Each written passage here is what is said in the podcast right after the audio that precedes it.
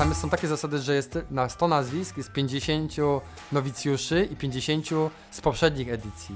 Czyli mamy tak naprawdę nie 100 miejsc, a 50 miejsc dla, dla debiutantów. I zostawało 15 nazwisk i wiedziałem, że 7-8 nazwisk to są weterani, czyli tak naprawdę tam jest 7-8 nazwisk debiutantów. Mówię, 7-8 nazwisk, to naprawdę no, szanse są tak nikłe i czytają bardzo entuzjastyczny, optymistyczny. To już wiedziałem, że chyba coś o mnie, bardzo energiczny, ja taki jestem. Kończył Spartatlon, przebieg przez Anglię. To już wiedziałem, serce już mocno biło i mówią, że właśnie 100 maratonów i tam Artur Kudziawiński, tak zawsze czytają z Polski. Więc moment, kiedy ja naprawdę skakałem, radość była jak e, nastolatka, jak tego małego chłopca, który oglądał Igrzyska Olimpijskie w 88. To był Artur Kudziawiński. Przepraszam, Kujawiński. Ja się nazywam Kamil Dabkowski i witam Was w podcast Black Hat Ultra. Ten wstęp idealnie określa Artura. Pasjonat biegania, który poprzez kolejne biegowe wyzwania spełnia swoje życiowe marzenia, zachowując przy tym zdrowy rozsądek i balans w życiu. Artur biega od zawsze. Jego placem zabaw jest 5-kilometrowa pętla wokół jeziora Maltańskiego w Poznaniu. Usłyszałem o nim w zeszłym roku, gdy ukończył jeden z najtrudniejszych ultramaratonów na świecie Badwater. 217-kilometrowy bieg w Dolinie Śmierci, najgorętszym miejscu na Ziemi. Artur opowiada w podcaście o tym, jak wyglądała jego biegowa droga, o swoich spełnionych i niespełnionych marzeniach oraz o doświadczeniach, które zebrał podczas swoich niesamowitych wyzwań. Opowiadamy dużo o Bedwater, gdyż kolejna edycja rusza już 16 lipca o godzinie 9 czasu polskiego. Na starcie w tym roku pojawi się trójka reprezentantów z Polski. Patrycja Bereznowska, Damian Kaczmarek i Krystian Ogły. Myślę, że historia Artura podgrzeje nam w żyłach krew, dzięki czemu kibicowanie tej niezwykłej trójce będzie jeszcze przyjemniejsze. Przed Wami człowiek z niezwykłą pasją i pozytywnym nastawieniem do świata i ludzi, który spełnia marzenie za marzeniem. Posłuchajmy, jak on to robi. Przed Wami Artur Kujawiński. I jeszcze jedno. Z góry przepraszam za gorszą jakość nagrania. Siedzimy w indyjskiej restauracji, próbując się odciąć grubą kotarą od biegających dzieci i skrzypiących drzwi do toalety. Siedzimy na ciężkich drewnianych fotelach, obitych wzorzystym materiałem i wyłożonych poduszkami. Ściany są pomarańczowe. Jesteście tu? Zapraszam.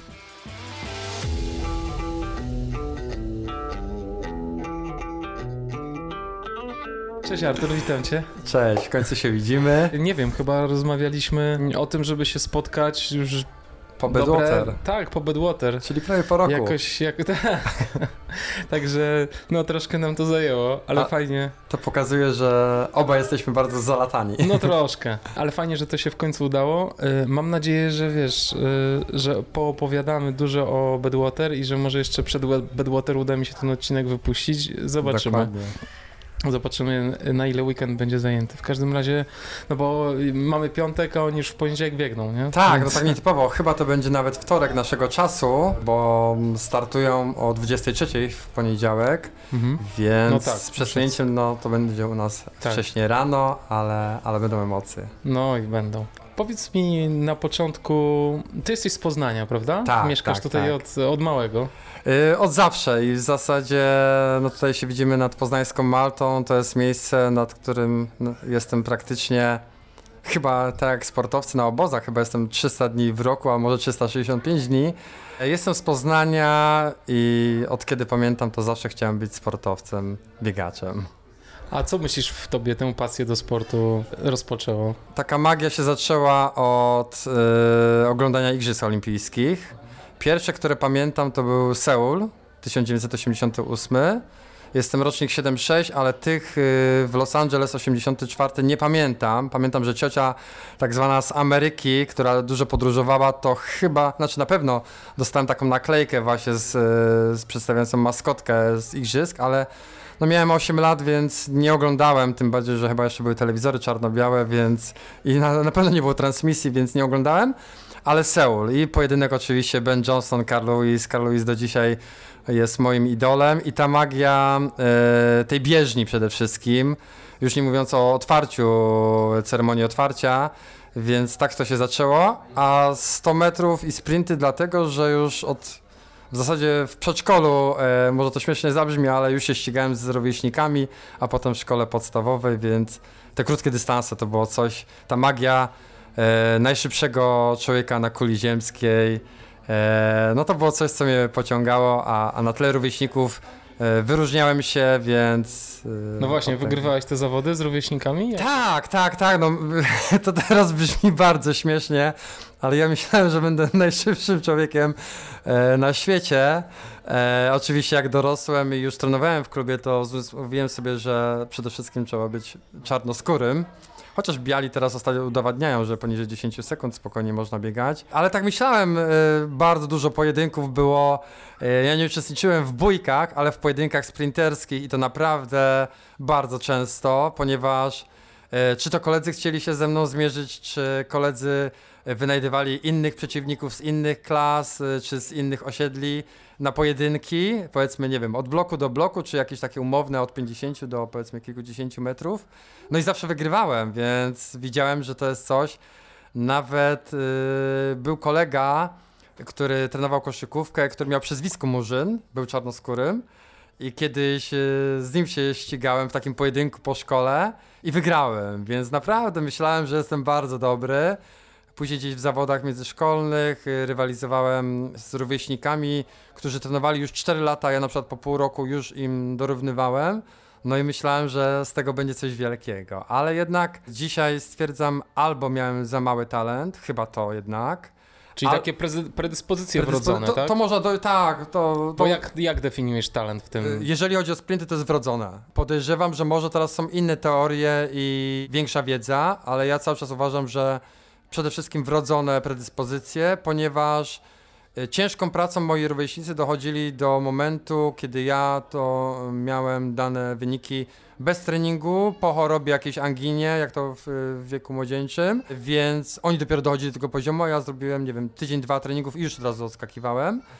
Też myślę, że no byłem niestety w biednym klubie Warta Poznań, a mieliśmy tutaj w Poznaniu Olimpię Poznań i, i AZS, gdzie zawodnicy mieli większe możliwości trenowania, przede wszystkim wjeżdżania na obozy. Ja nie, nie jeździłem na żaden obóz, może byłem chyba na jednym. E, oni mieli już bardzo profesjonalne e, w wieku 15-16 lat, bardzo profesjonalne e, obozy, gdzie na początku sezonu, gdzie był pierwszy, drugi start, ja biegałem no, na równi z nimi, ale potem, gdzie ta praca na obo- z obozu wychodziła już po kolejnych startach i jeszcze oni tą formę dobili obozem letnim, e, no to już niestety powiedzmy w Wielkopolsce byłem w pierwszej ósemce, ale żeby gdzieś pojechać na Mistrzostwa Polski, to tylko byłem ze sztafetą oficjalnie, a już te, te wyniki wymierne. Czyli to jednak nie tylko wrodzone kwestie, ale również kwestie treningowe, tak? Mają, No tak, to no, znaczenie. No, gdyby się inaczej poukładało, czyli od Mhm. początku byłbym w bogatszym klubie, wyjeżdżał na obozy Mhm. przynajmniej dwa razy w roku, to być może z mojego organizmu więcej by się wycisnęło. No tak, no ale ch- chyba nie żałujesz troszkę, czy jak to teraz odbierasz z perspektywy Właśnie się lat? zastanawiam, wierzę w to, że to jednak była taka droga i tak musiało być, bo gdybym zakończył na, gdybym zrobił tą karierę e, sportową w sprincie, e, uważam, że byłem dobry powiedzmy do poziomu początkującego, do, do matury powiedzmy.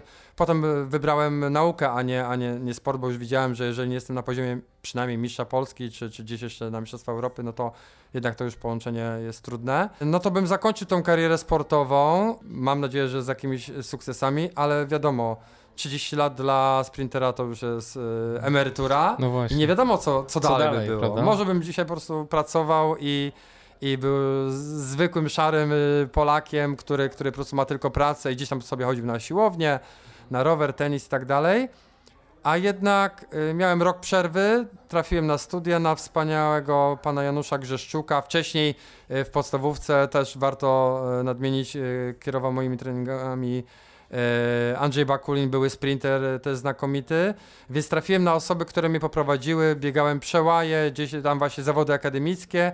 Spodobały mi się to, e, te zawody na 3 km przełaje, ponieważ wszystko długo trwało I miałem taką nową zajawkę, że coś nie trwa 10-11 sekund, tylko jest taktyka, rozłożenie sił. Mam czas na obserwowanie rywali, więc. A do tego jeszcze pokazano mi świat biegów y, długich maratonów, y, czy to Boston, czy, czy Nowy Jork, gdzieś tam jakieś notatki w, w gazetach. I potem z uczelni trafiłem na pierwsze zawody, takie sztafety w Hyde Parku w Londynie. No i to naprawdę już zapałem bakcyla. I jak długa była ta sztafeta?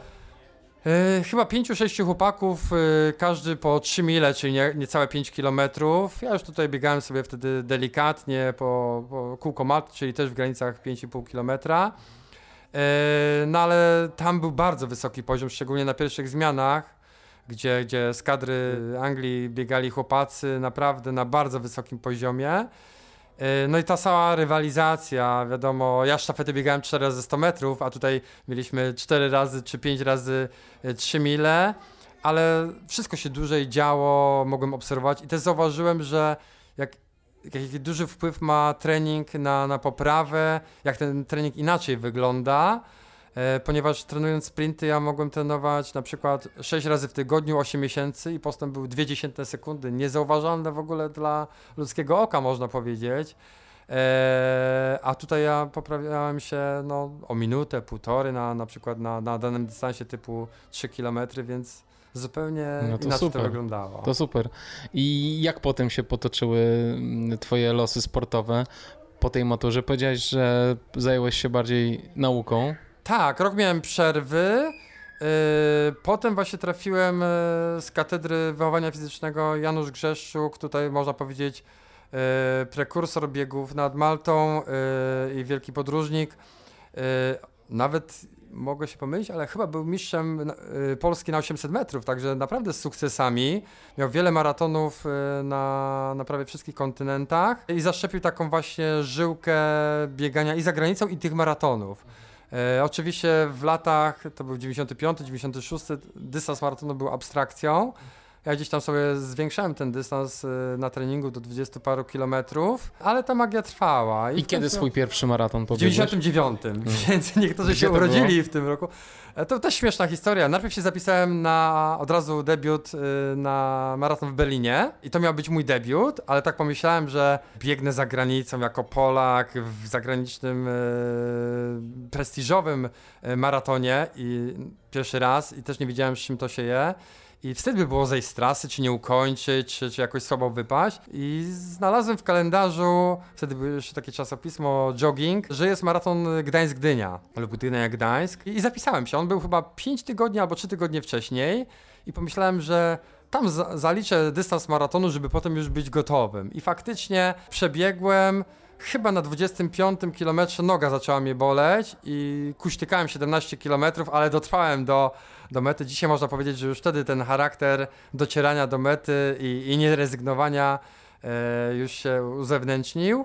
I co śmieszne, za metą się okazało, że zaraz mam pociąg, więc jeszcze 2-3 km poleciałem po przebraniu się szybko na, na pociąg i wróciłem do Poznania. I w Berlinie już pobiegłem 20 parę minut y, szybciej, więc jak, wiadomo, że... Jak miałeś czas w Berlinie? W Berlinie 3.38 i o tyle śmiesznie, historia naprawdę jest niesamowita i mocno zapętlona powiedziałbym, bo kupiłem tam pierwsze swoje buty startowe. W Gdańsku jeszcze biegłem w jakichś śmiesznych najkach do chodzenia, które kupiłem za 100 zł od mojego serdecznego przyjaciela z dzieciństwa, który mieszkał dwa piętra wyżej i przywiózł je z Ameryki. E, buty naprawdę nie nadające się do biegania, przebiegłem maraton. E, I potem pojechałem do Berlina i tam na targach, czego oczywiście odradzam, nie powinno się robić, dzień wcześniej czy dwa dni wcześniej kupiłem na targach Asicsy, startówki Des e, Racer. Naprawdę niesamowity but, w których później w kolejnych modelach biegałem chyba 10 czy 15 lat.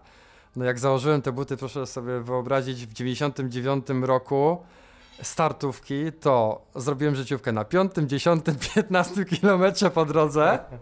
Biegłem jak szalony i mnie niosło. Połówkę chyba zrobiłem w godzinę 38, a może nawet 35, a drugą zrobiłem w 2 godziny albo w 2 godziny 3, także cierpiałem i dopiero w autobusie powrotnym spytałem się starszych kolegów, jak w ogóle rozłożyć siły, na czym polega maraton i dopiero w drodze powrotnej z Berlina tłumaczyli mi, na czym to wszystko polega, także po fakcie, ale wiedziałem, że wtedy są, są jeszcze możliwości.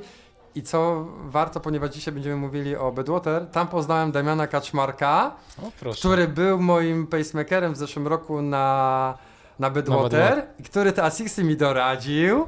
I, I powiedział, że to są bardzo dobre buty i mam je kupić, więc od tego czasu jestem też mu wdzięczny, ponieważ mimo, że kupiłem te buty tuż przed maratonem, to uświadomiło mi w jakich butach trzeba biegać, a nie w takich dochodzenia. Mhm.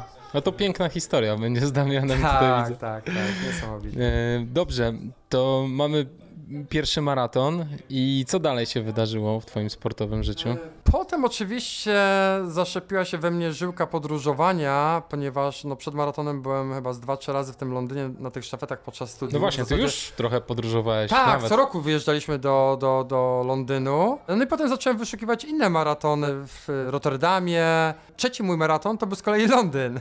Także znowu tam powróciłem. Do dzisiaj jest Londyn moim ukochanym miastem. Jakoś ta atmosfera tych mieszkańców i, i, i tego miasta powoduje to, że ja się czuję tam bardzo swobodnie jak w Poznaniu i ten kult biegania, e, szacunek dla biegaczy jest niesamowity, więc... Czy to właśnie dlatego też sporo biegasz na wyspach? Jeżeli mam możliwość, to tak. Nie wiem, co, co tam jest, ale jak rozmawiam z Brytyjczykami, jak biegam tam, to jest taka niesamowita atmosfera, że kiedyś mówiłem, że w każdej chwili mógłbym się tam przeprowadzić. Nie wiem, coś jest No niesamowitego. właśnie, wiesz, ja rozmawiałem w podcaście z Jakubem Snochowskim, który teraz mieszka w Lake District Mhm. i, e, i on mówi to samo, że tam po prostu pasja, wiesz, Tak, że to do jest- biegania jest ogromna tych opisać, ludzi, wiesz, to jest, naprawdę. jest coś niesamowitego. No Tak. i tak właśnie zacząłem podróżować i potem kiedyś, nie wiem skąd mi się to wzięło, aha, wymyśliłem sobie coś takiego, że co by było, gdyby taki sprinter przebiegł 100 km? Taka historia od 100 metrów do 100 km. Nawet miałem takie motto, że marzenia są do realizowania. No właśnie, bo to już jest ten moment, że zacząłeś myśleć o dłuższym dystansie niż maraton, tak? No, w 2004 chyba zacząłem myśleć o tej setce kaliskiej. E, nawet dzwoniłem do organizatora, pytałem się, jak to wygląda. Tam wtedy był limit chyba 11 godzin albo 11,5, co wydawało mi się dosyć wyśrubowane, bo to już jest dobry wynik, naprawdę Dobry, trzeba być dobry. przygotowanym, bo na 100 km, jeżeli coś się stanie, no to naprawdę trzeba mieć ten zapas trochę czasu, żeby dotrzeć do mety. Potem wydłużono na 12 godzin i chyba wtedy właśnie w 2005 pierwszy raz się zapisałem, już był limit 12 godzin, tak swoje możliwości oceniałem na około tych 11 godzin, no i wystartowałem. Chyba wtedy poznałem właśnie Piotra Kuryło, który opowiadał o Spartatlonie i po prostu ta jego opowieść to była tak niesamowita, kiedy on mówił, że biegł z Polski do, do Grecji, kiedy go spotkali przed y, startem i, i chwalili się treningami, to jak on powiedział, że przybiegł z Polski, to oni mieli i opowiadał o tej swojej całej historii startu, to wydawało mi się coś tak niesamowitego, ale tak bardzo odległego, że tak naprawdę na kilka lat chyba o tym zapomniałem. Nie brałem pod uwagę, no bo, bo byłem jeszcze naprawdę żółtodziobem. I co się okazało y, za metą, ja tą 100 kilometrówkę biegłem po prostu tak na ukończenie, zupełnie też nie wiedząc jak rozłożyć siły, zupełnie próbując y, swojego organizmu. I okazało się, że wtedy było 10.30 było limitem y, takim kwalifikującym na Spartatlon, a ja miałem 10.38 i się okazało, że 8 minut tylko mi brakuje do oficjalnej kwalifikacji, gdzie 8 minut na 100 kilometrach to wiedziałem, że to gdybym wiedział, to bym pobiegł szybciej. ale pocisnął. tak, ale ja tylko chciałem ukończyć, dla mnie to już było sukces, ukończenie 100 kilometrów, więc pomyślałem, że kiedyś, kiedyś po prostu do tego dojdzie i za to się wezmę, prawda? E, No i tak miały lata, zbierałem doświadczenie, startowałem w przedziwnych biegach właśnie gdzieś e, na Czechach na 100 km, w jakichś takich biegach e, później 24 Czy godziny. to były gó- biegi górskie czy płaskie? I górskie, i płaskie, ale gdzieś później górskie też mi się spodobały, taka przygoda, ale jednak bardziej skupiony byłem cały czas na maratonie, żeby ten, ten wynik i w półmaratonie, i maratonie śrubować. E, No bo jeszcze nadal miałem tych maratonów mało przebiegniętych, więc chciałem poznać ten dystans, tak żeby na tym dystansie się czuć pewnym. Także kiedyś, kiedyś było tak, że stając na starcie, dzisiaj jest inna wiedza, trzeba wiedzieć, że w roku 2000 nie było Facebooka, nie było portali biegowych, nie było literatury. Na moim podwórku ja nie miałem nikogo, kto ukończył maraton, więc ja nie miałem skąd czerpać wiedzy i stając na starcie na przykład pierwszego maratonu poznańskiego w 2000 roku, kiedy znajomi czy rodzina pytali się, jaki czas osiągnę, żeby wiedzieli na mecie, kiedy się mnie spodziewa, to ja nie wiedziałem. E, Ja wiedziałem do połowy, może do 30 kilometra, ale zupełnie nie wiedziałem, jakiego czasu oczekiwać. Dzisiaj No ale można- miałeś kontakt jednak z profesorami ze szkoły, i oni biegali Tak, przecież. ale to była tak wiedza szczątkowa, Aha. że naprawdę, żeby coś doradzić w bieganiu, to, to, to jeszcze nie był, nie był ten etap, więc I skąd brałeś wiedzę? Portal Bieganie, maratony polskie i ta wymiana. Jakieś książki zagraniczne udawało ci się złapać? Wtedy czy... mój chyba angielski nie był aż taki super i nie wiem, czy, czy też te portale, czy już istniały. Były takie czasopisma i z nich czerpałem, tam nie było, tam były tylko relacje i to mnie ciągnęło do tych zagranicznych, gdzie był kalendarz Running Distance, gdzie, gdzie był kalendarz, były krótkie relacje i były też poza maratonem takie, takie e, relacje z osiągnięć innych ultramaratończyków, więc tylko z tego, ale nie było nigdzie porad biegowych, No więc tak, no nie miałem tak. skąd. Czyli tylko doświadczenie, tak? Tak, dopiero No ale chyba... mówisz, że sporo biegałeś, więc zbierałeś właśnie to No, doświadczenie. Dzisiaj to zabrzmi śmiesznie, ale te pierwsze e, lata biegania to było na zasadzie, że jeżeli więcej będę biegał w tygodniu, no to chyba będę lepszy. I, i, i naprawdę to kilka lat zajęło, zanim ta wiedza się pojawiła w internecie i w literaturze. Potem Jerzy Skarżyński wydał swoje książki, ale to naprawdę był rok chyba, nie wiem, 2003-2004, także od 99 3-4 lata to człowiek Tak, błądził. w pustkę trochę. Tak, totalna pustka. No i opowiedz tak z ciekawości się zapytam, jakie było twoje wyo- wyobrażenie na temat kilometrażu tygodniowego wtedy, że Mam, ka- mam swój pierwszy notes do dzisiaj. To jest jak relikwia, naprawdę, jak moja Biblia, można powiedzieć, czy też pamiętnik. Publikowałem go podczas różnych prezentacji odnośnie Spartatlonu. Dzisiaj nikt by nie uwierzył, bo ja biegałem miesięcznie 50 km, 80 miesięcznie. To naprawdę były wyjścia 7-8 razy po, po kółko, dwa kółka Malty. Potem były takie śmieszne marzenia typu przebiec tyle kilometrów, ile dni ma rok, czyli 365. Jak już przebiegłem półtora kilometra po dwóch, trzech latach, y, przepraszam, półtora tysiąca kilometrów y, w ciągu roku, to już mi się wydawało niesamowite. Kiedyś jak kolega przyjechał na rowerze w ciągu roku 3000 kilometrów, to mi się wydawało w ogóle nierealne dla, dla biegacza, dzisiaj to jest naprawdę mało, bym powiedział. Więc, więc tak z roku na rok coraz, coraz więcej. podkręcałeś sobie Tak, śrubę. tak, tak, tak. A te treningi były takie krótkie dlatego, że ty myślałeś, że nie należy biegać więcej? Czy byłeś już wiedzia- zmęczony? Czy... Nie wiedziałem po prostu. Nie, to jest brak wiedzy, bo biegałem sobie e, kółko Malty, które ma 5400 i myślałem, że to wystarczy. Nie wiedziałem, że trzeba więcej. Namawiałem też kolegę czy dwóch kolegów do biegania. Nawet ja, ponieważ biegałem szybciej, więc wypuszczałem ich na kilkaset metrów i bawiliśmy się w ten sposób, że ich doganiałem. E, umawialiśmy się, że muszę być tak szybko, żeby dogonić e, na końcu okrążenia Czy ty robiłeś takie, udawało. robiłeś sobie interwały Takie interwały, tak. E, Potem ściganie, na przykład kolega, takie zakłady były, że kolega jechał na rowerze jedno kółko, dwa, e, dwa kółka Malta, a ja musiałem przebiec jedno. Hmm. To było wymagające, bo to już musiałem przebiec tutaj kółko Malty 5,5 km prawie w 20 minut, więc naprawdę to już było mocne tempo, jak na tamte czasy. I też pojedynek był 1-1 i na tym zakończyliśmy, czyli raz ja wygrałem, raz on. No i potem gdzieś tam wiedziałem, że no wypadałoby, skoro maraton ma 42 km, to gdzieś zwiększę do tych 20 paru kilometrów, ale nie wiedziałem o tym, że trzeba kilka trzydziestek zrobić, także z doświadczeniem potem wymiana gdzieś w szatni po maratonie. No właśnie, Tak, tak, fajnie. tak to wyglądało, ale Fajnie. fa- miło wspominam. Fajnie. I potem jak się pojawiły, pojawiła literatura, pojawiły portale, zacząłeś właśnie troszkę inaczej trenować? Czy trenowałeś nadal sam, Świadomie. czy, czy, Trzy czy lata z, chyba z biegałem, trenerem? albo cztery lata pod okiem Jurka Skarżyńskiego. Mhm. Tutaj bardzo chwalę, bo ta metoda, która jest moim zdaniem bardzo skuteczna, bardzo poukładany ten plan, który można znaleźć w jego książkach. Zrobiłem życiówki na każdym dystansie i trenowałem bardzo świadomie przede wszystkim i zaimponowało mi to, że ten wynik, stojąc na starcie biegu, ja wiedziałem, jakiego wyniku się spodziewać.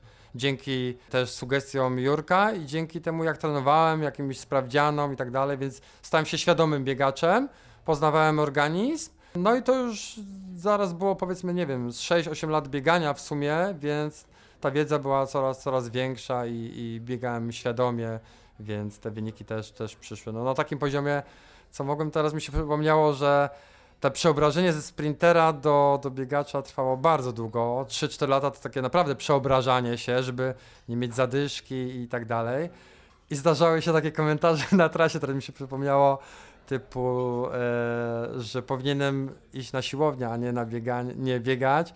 No bo byłem, były propozycje takie, że 6 razy w tygodniu chodziłem na siłownię, a 3 razy w tygodniu biegałem. I wiadomo, okres młodzieńczy, dziewczyny i tak dalej, więc imponowanie w jakiś tam sposób kolegom. I wiadomo, każdy mężczyzna młody chce być dopakowany, więc te mięśnie przeszkadzały. No i śmiesznie to wyglądało wobec innych maratończyków, że jakiś chłopak tutaj, no nazwijmy ze słonecznego patrolu, wyskakuje w koszulce na ramce i coś tam rzeźbi, prawda? Wyniki około 3,5 godziny, więc wstydu nie było. Potem powiedzmy 3,20, 3,15, ale zupełnie to się kłóciło. Także później niestety rezygnowałem z siłowni na rzecz, na rzecz biegania i proporcje się odwróciły. Sześć razy w tygodniu bieganie, a na przykład dwa, trzy razy siłownia.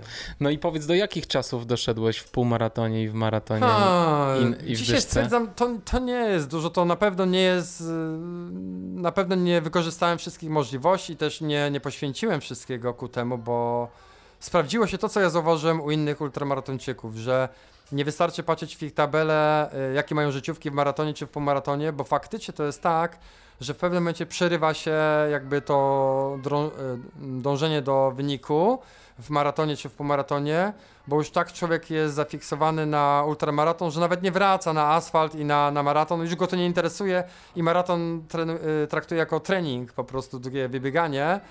I, i mogłem szybciej, bo godzina 20 w półmaratonie, kilka razy biegłem na godzinę 18, 19, ale to zawsze jednemu wiatr w oczy lub słońce 30 parę stopni i, i ścina, albo biegnie się 3-4 km pod wiatr, czy nawet 8 km pod wiatr bywało i ten wynik po prostu wielomiesięczne przygotowania idzie w łeb.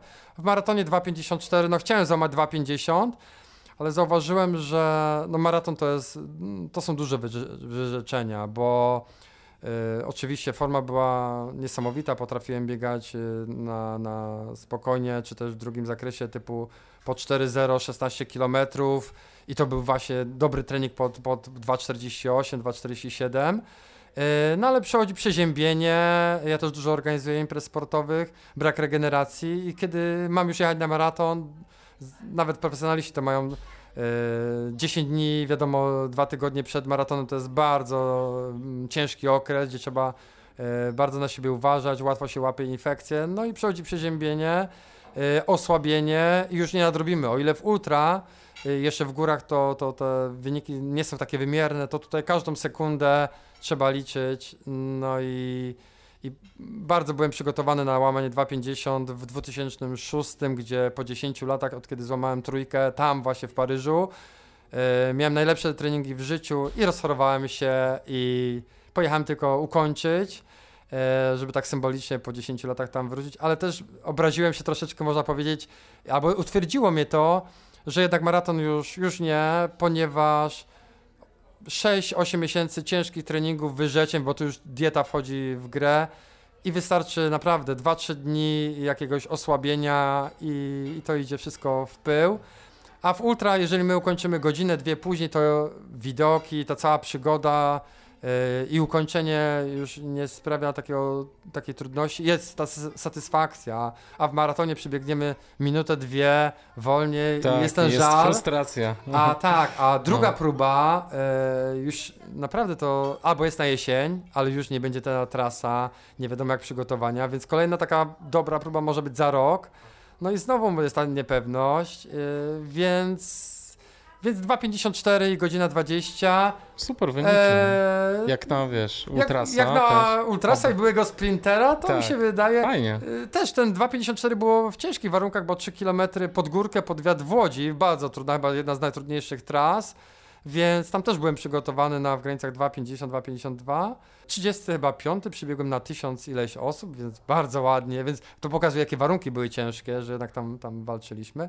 Więc ogólnie przyzwoicie i bardziej się skupiam teraz na najdłuższych y, No, wła- no właśnie, i co, troszkę się obraziłeś na to ściganie na asfalcie, tak? I postanowiłeś bardziej pójść w teren. Czy już wtedy, biegnąc ten ostatni maraton w Paryżu, miałeś już jakieś doświadczenia? Tak, to już było. To był 2016, czyli A, miałem to już- 11 lat biegania ultra, No także tak, już, już tak. byłem rozdarty, tak się tak i, i tak po macoszemu już te maratony coraz bardziej Mhm. e, traktowałem. Nawet teraz, jak popatrzymy na proporcje moich startów w ciągu roku, to na przykład wychodzi na 8 startów 3 maratony, a 5 ultra, więc już te proporcje, tak, kiedyś siłownią się już zupełnie odwróciły i, i właśnie bardziej się skupiłem na, na, na ultra i, i ten maraton już zacząłem traktować. Po prostu zobaczyłem, że za dużo tracę jakby energii na przygotowanie pod maraton, a bardziej bym mógł to skorzystać na tym, traktując te treningi pod, pod ultramaraton, bo, bo tracę dużo energii i fizycznie, i psychicznie, a tutaj mówię, no to takie ryzyko, zresztą widzimy po profesjonalistach naszych, że dużo zdrowia kosztuje przygotowanie pod maraton i ja też twierdzę, że maraton na życiówkę jest o wiele trudniejszy niż ultra na 100 czy 200 kilometrów. No tak, to wiele osób to mówi, tak. Tak, to jest tak. no, inny wysiłek, Tak. e, Ale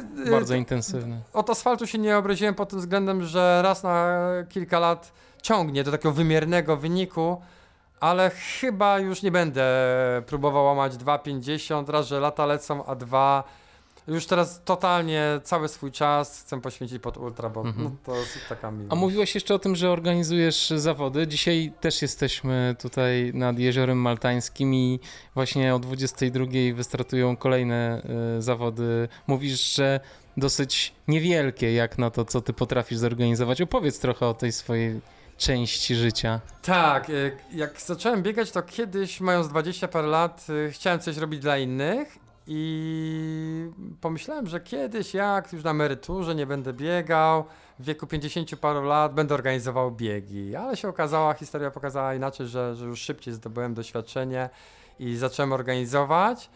Y, No i to już trwa no, kilkanaście lat.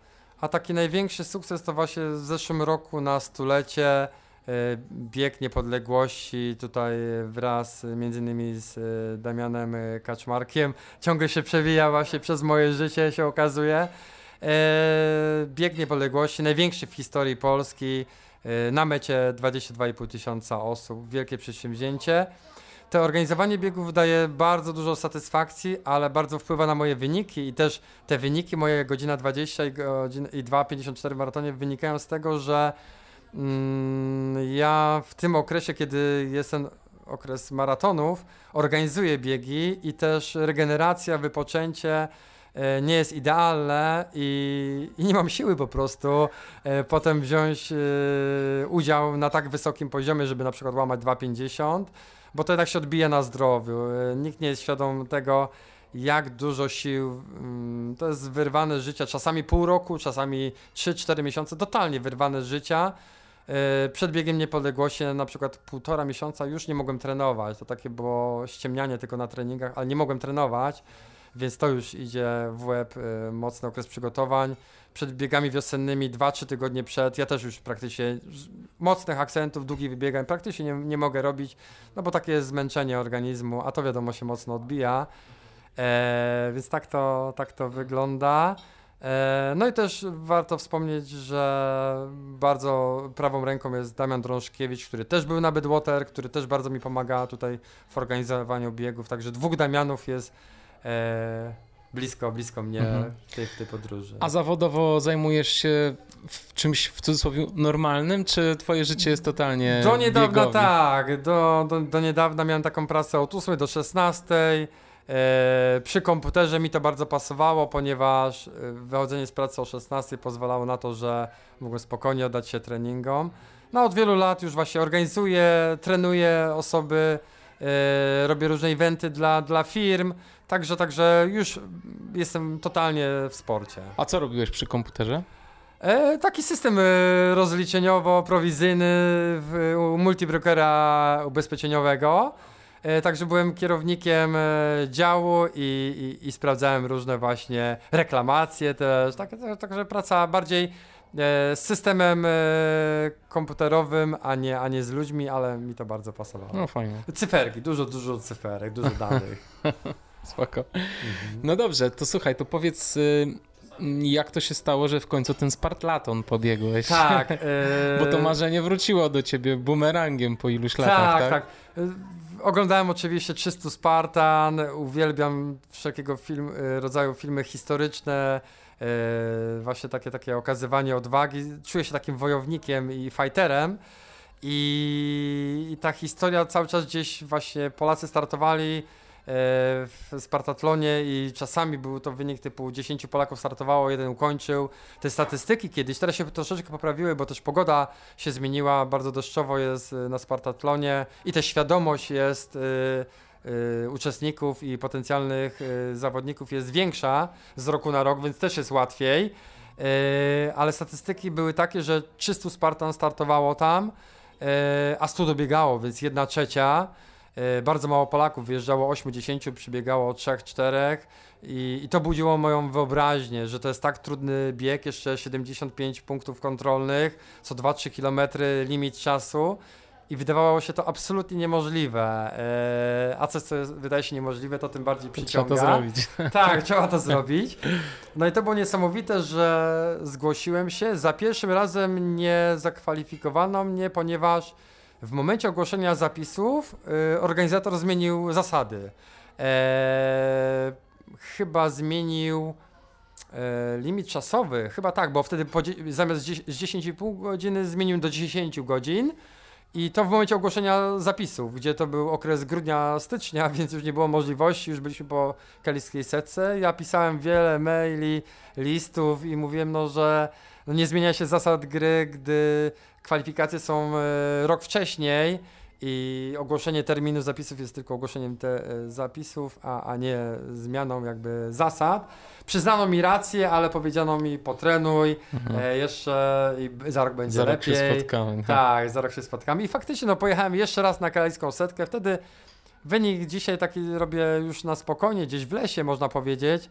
E, 9,55 zrobiłem sobie tak właśnie, żeby było poniżej 10 godzin, żeby można było się zapisać. I zapisałem się i, i jak powiedziałem znajomym, że startuję w Spartatlonie, wtedy 30 paru tylko Polaków ukończyło ten, e, ten dystans. Ten, Który to był rok, w którym robiłeś... spa- 2015. Mhm. Także niedawno zupełnie. Tak. Ale dopiero 30, ja byłem chyba 35 lub 6 Polakiem, który ukończył, albo 38 mniej więcej, ale to było 30 parę osób. I naj, najbardziej niesamowite było to, że chyba byłem jedyną osobą, która wierzyła w to, że ukończę, ze względu na te limity czasowe, ale wszyscy dookoła, jak mówiłem, e, że, że jadę na Spartaton, e, robili tak wielkie oczy i tak wielkie niedowierzanie. Nawet Damian Kaczmarek, szczególnie on pewnie wierzył gdzieś w duchu, ale chyba nawet mi powiedział szczerze, że, że myślał, że nie, że nie dobiegnę, nie dam rady, bo ten dystans, on nie jest trudny. U, y, ukształtowanie terenu też nie jest najgorsze, jest trudne, ale nie, nie, nie do osiągnięcia. Ale te limity czasowe w momencie, kiedy człowiek się źle czuje, tam bardzo dużo biegaczy ma kłopoty żołądkowe, duży upał i, i, i wszystko, no mówię, bardzo, bardzo wymagające no to wtedy my nie możemy rozłożyć sobie sił czy, czy poczekać na punkcie, bo mamy co 2-3 km kontrolę czasu, więc to jest trudne. No i wszyscy dookoła nie wierzyli, więc tym bardziej mnie to napędzało do treningów. Jeszcze y, opublikowałem swoją drogę do Spartatlonu. Każdy tydzień y, publikowałem każdy trening. Też, żeby pokazać innym, żeby mnie kibicowali i żeby mnie to też mobilizowało, bo wiedziałem, że jak idę na trening, to, to inni oczekują, jaki ja trening zrobię kolejny Mhm. Treningi były bardzo ciężkie.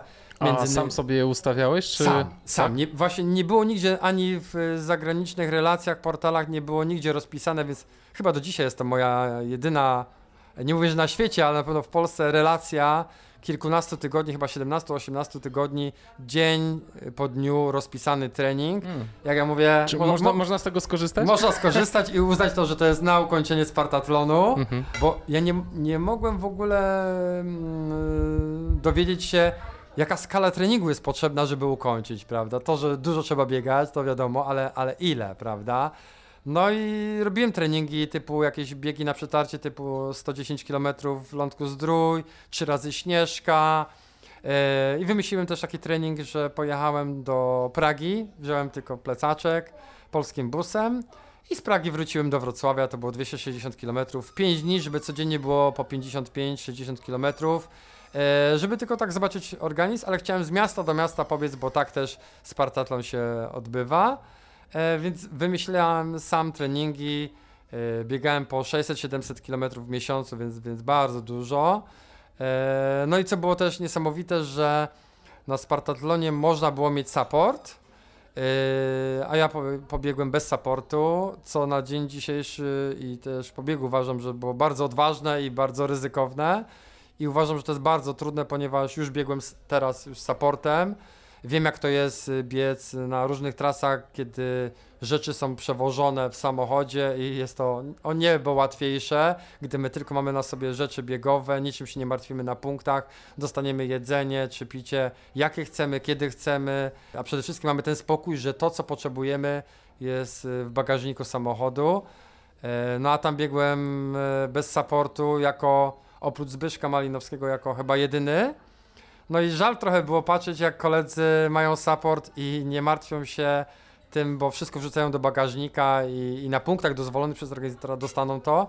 A ja chyba ponad 2-3 godziny spędzałem na w ogóle pakowaniu na punkty, e, na tak zwane przepaki. Ile, ile tam jest tych przypagów? Teoretycznie można zostawić na każdym z 75, no ale wiadomo, no nie obciążamy organizatora i zostawiamy w różnych, a też szkoda czasu. I zostawiłem chyba na 5 czy 7 punktach, ale też nie wiedziałem w jakim stanie dobiegnę, gdzie zostawić rzeczy na przebranie. E, Do jedzenia nic ciepłego przecież nie mogłem sobie zostawić, co bym chciał ulubione jakieś, nie wiem, naleśniki czy, czy jakieś inne rzeczy. Eee, I bo w tym upale by się chociażby zepsuły. No a przede wszystkim nie wiedziałem, kiedy y, będę na szczycie, gdzie jest zimno. e, padał też deszcz, nie wiedziałem kiedy noc mnie zastanie. Wszystko tak mniej więcej wiedziałem, ale, ale to było takie bardziej, bardziej na czuja, więc to było trudne. E, no ale dzisiaj jestem z tego dumny, że biegłem bez supportu, że dałem radę, bo to był naprawdę no, ciężki wyczyn i taki, nie mówię, że uraz psychiczny na mecie, ale dużo zdrowia mnie to kosztowało, ponieważ e, doznałem nie tyle kontuzji, co bardzo mocnego przeciążenia na chyba 70 czy 80 km przed metą. Po uderzeniach w skałki, w górach, po, po zbiegu z gór Sangas. Yy, no i praktycznie też mój ten czas. Yy, Ale gdzie, przewróciłeś się, czy? yy, nie, nie mówię, że skręciłem, ale uderzyłem ponad 20 razy w jakieś ostre skałki, bo biegłem w zwykłych asfaltówkach, nie zmieniałem butów. Było ciemno, no i tam był wymagający ten teren. Dopiero teraz wiem, że niektórzy biegli z dwoma czołówkami na, na pasie i na, na, na głowie, żeby oświetlić, bo ja nie widziałem po prostu tych, tych, tych skałek. No i gdzieś tam wygięcie na ostrych kamieniach, no i potem wyszła ta opuchlizna i 80 km kuśtykałem. Ten zapas, który miałem 2-3 godziny nawet y, zrobiony, to na każdym punkcie traciłem. No i przebiegłem tylko pół godziny przed końcem limitu, bo ja po prostu no nie mogłem biec, prawda? Także musiałem zagryzać zęby i jakoś tam te 80 km, cały ten mój zapas czasowy uciekł. E, ale dałem No, ale radę. dobiegłeś, no, ale o to- o to dobiegłem, chodzi. dobiegłem, także walka, walka do końca, ale no, naj, najwspanialszy bieg, który, który wspominam i coś niesamowitego, ponieważ Sparta, na Spartatlonie na mecie witają jak, jak olimpijczyków, więc coś, coś wspaniałego. No No super. i przede wszystkim udowodniłem sobie i też wszystkim wokół, że, że można, a tym bardziej mówię, bez supportu. I, I zresztą nas tam jechało ośmiu, dobiegło czterech. I ja kalkulowałem, kto jedzie. Biegł Piotr Ryło wtedy między innymi, Andrzej Radzikowski, Zbyszek Malinowski, który wtedy biegł chyba 12. Jak podliczałem, to byłem chyba piąty w kolejce, który miał szansę ukończyć, więc wychodziło na... A wiedziałem, że chyba czterech nas ukończy i wychodziło na to, że mogę być pierwszym, który jest do odstrzału. Do strzału. Tak, ale jednak, jednak ukończyłem. Jako ostatni z Polaków wtedy ukończyłeś, czy? Tak, jako ostatni, jako ostatni. Miałem sygnały już na trasie, kto, kto zszedł, kto, kto został, kto które miejsce zajął, więc, więc wiedziałem jak to No, się to- rozgrywa. I No tak walka. szacą, że wiesz, w tych warunkach Tak, tak, ciężko. Cię- ukończyłeś to, super. Tak, tak. I Spartlaton był twoją przepustką do Bedwater, czy musiałeś jeszcze coś pobiec? y? To znaczy tam jest kwalifikacja taka, że trzeba być, mieć minimum trzy biegi 100-milowe, czyli między innymi ten Spartatlon, e, w tym jeden w ciągu ostatnich 12 miesięcy.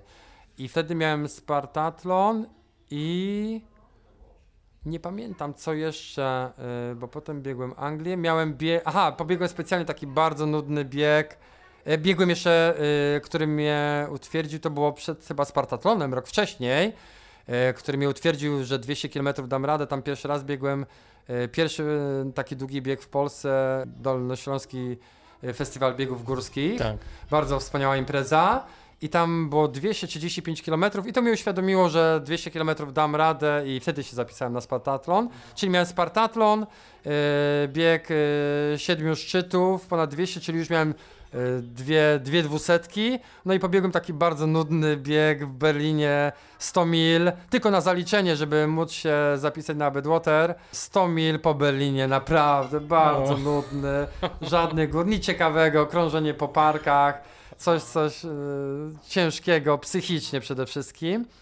No i złożyłem aplikację, nie dostałem się. I myślałem, że źle coś napisałem w aplikacji, ale dostałem informację, że mimo, że mam naprawdę tam chyba wtedy miałem z 80 maratonów, dużo tych ultra na przeróżnych dystansach, jeszcze miałem biegi e, typu gdzieś tam 48-godzinny w hali i tak dalej, ale powiedziano mi, że nadal jestem słaby, mało doświadczony i trenuj chłopcze i, i za rok, znowu, ale wiedziałem, że ten sygnał, że za rok, to mówię, powtórka ze Spartatlonu, mówię, to jest przeznaczenie, będzie powtórka z historii i wierzę w to, że za rok faktycznie. E, no i tak było. I, i, ale biegałeś przez ten rok coś... tak, jeszcze wymyśliłem, jeszcze właśnie. mówię, udowodnię, że, że jestem godzien Tak. startu. E, mm, biegłem e, bieg, który nie dawał za dużo, bo pod Bedwater to biegi na 100 mil, w zasadzie na nich nie robią wrażenia, a nie etapówki, tylko biegi, biegi ciągłe. Biegłem, ale to tylko było w ramach przygotowań bieg taki bardzo ciężki uważam, 10 ultra w 10 dni, codziennie zawody na 50 parę kilometrów.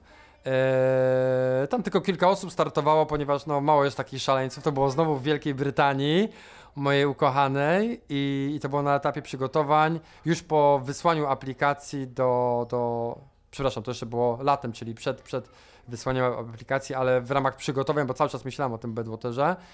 Eee, 10 ultra w 10 dni, bardzo ładnie mi tam poszło, byłem drugi i przede wszystkim bardzo dobrze zniosłem ten, ten, ten, ten start. No i to, a, bo to był y, bieg przygotowujący mnie do takiego dużego wyczynu, bieg przez znowu Anglię.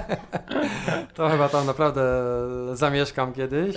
E, bieg przez Anglię, Ultra Great Britain, e, z zachodniego wybrzeża na wschodnie już nie 200 km, a 200 mil, czyli naprawdę 325 km około tam wyszło. E, I też sam sobie układałem treningi, e, już bardziej świadom, no ale doświadczenie już było bardzo duże. I wiedziałem, że 200 mil i 300 km przez Wielką Brytanię to musi zrobić wrażenie. I też bardzo dobrze mi poszło, tak uważam, bo 80 osób wystartowało, ukończyło 40, czyli połowa tylko, bo bieg naprawdę wymagający, a byłem 20 w sumie. Także pierwsza 20 to w takiej obsadzie naprawdę też mocnej, bo tam i Szkoci startowali, i miejscowi, którzy znali teren, przede wszystkim trenowali. No i też bez supportu, z kilkoma punktami, tak zwanymi przepakami kontrolnymi, e, ale bieg bardzo trudny mentalnie. Ile, ile czasu ci Trzy zajęło? dni. Trzy dni prawie samotnego biegu, bo odległości kilkugodzinne między zawodnikami, Tak. więc nie widzieliśmy się po, po, pięć, po kilkudziesięciu kilometrach już przez A następne. po jakim terenie?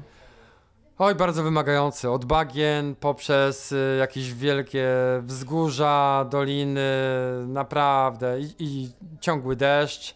Także, także bardzo wymagający teren przez jakieś e, pola z owcami. Także A bardzo. odcinki asfaltowe też były? Bardzo mało, Mhm. bardzo mało, także, także dużo zmian y, odzieży, kilka kompletów na punktach. Bardzo mało jedzenia było na tym, na, na tym biegu, więc słabłem z punktu na punkt, więc i znowu inni mieli support, Mhm. No właśnie, ja, ja nie miałem. tak? Dozwolony jest support, ale no ja nie miałem, nie mam możliwości takich, żeby ciągle kogoś namawiać, żeby na kilka dni e, jechał po to, Mhm. Zostawił żeby... wszystko, tak. tak, zostawił pracę, rodzinę i poświęcał swój urlop i jechał supportować, bo ja sobie biegnę tam przez 3-4 dni.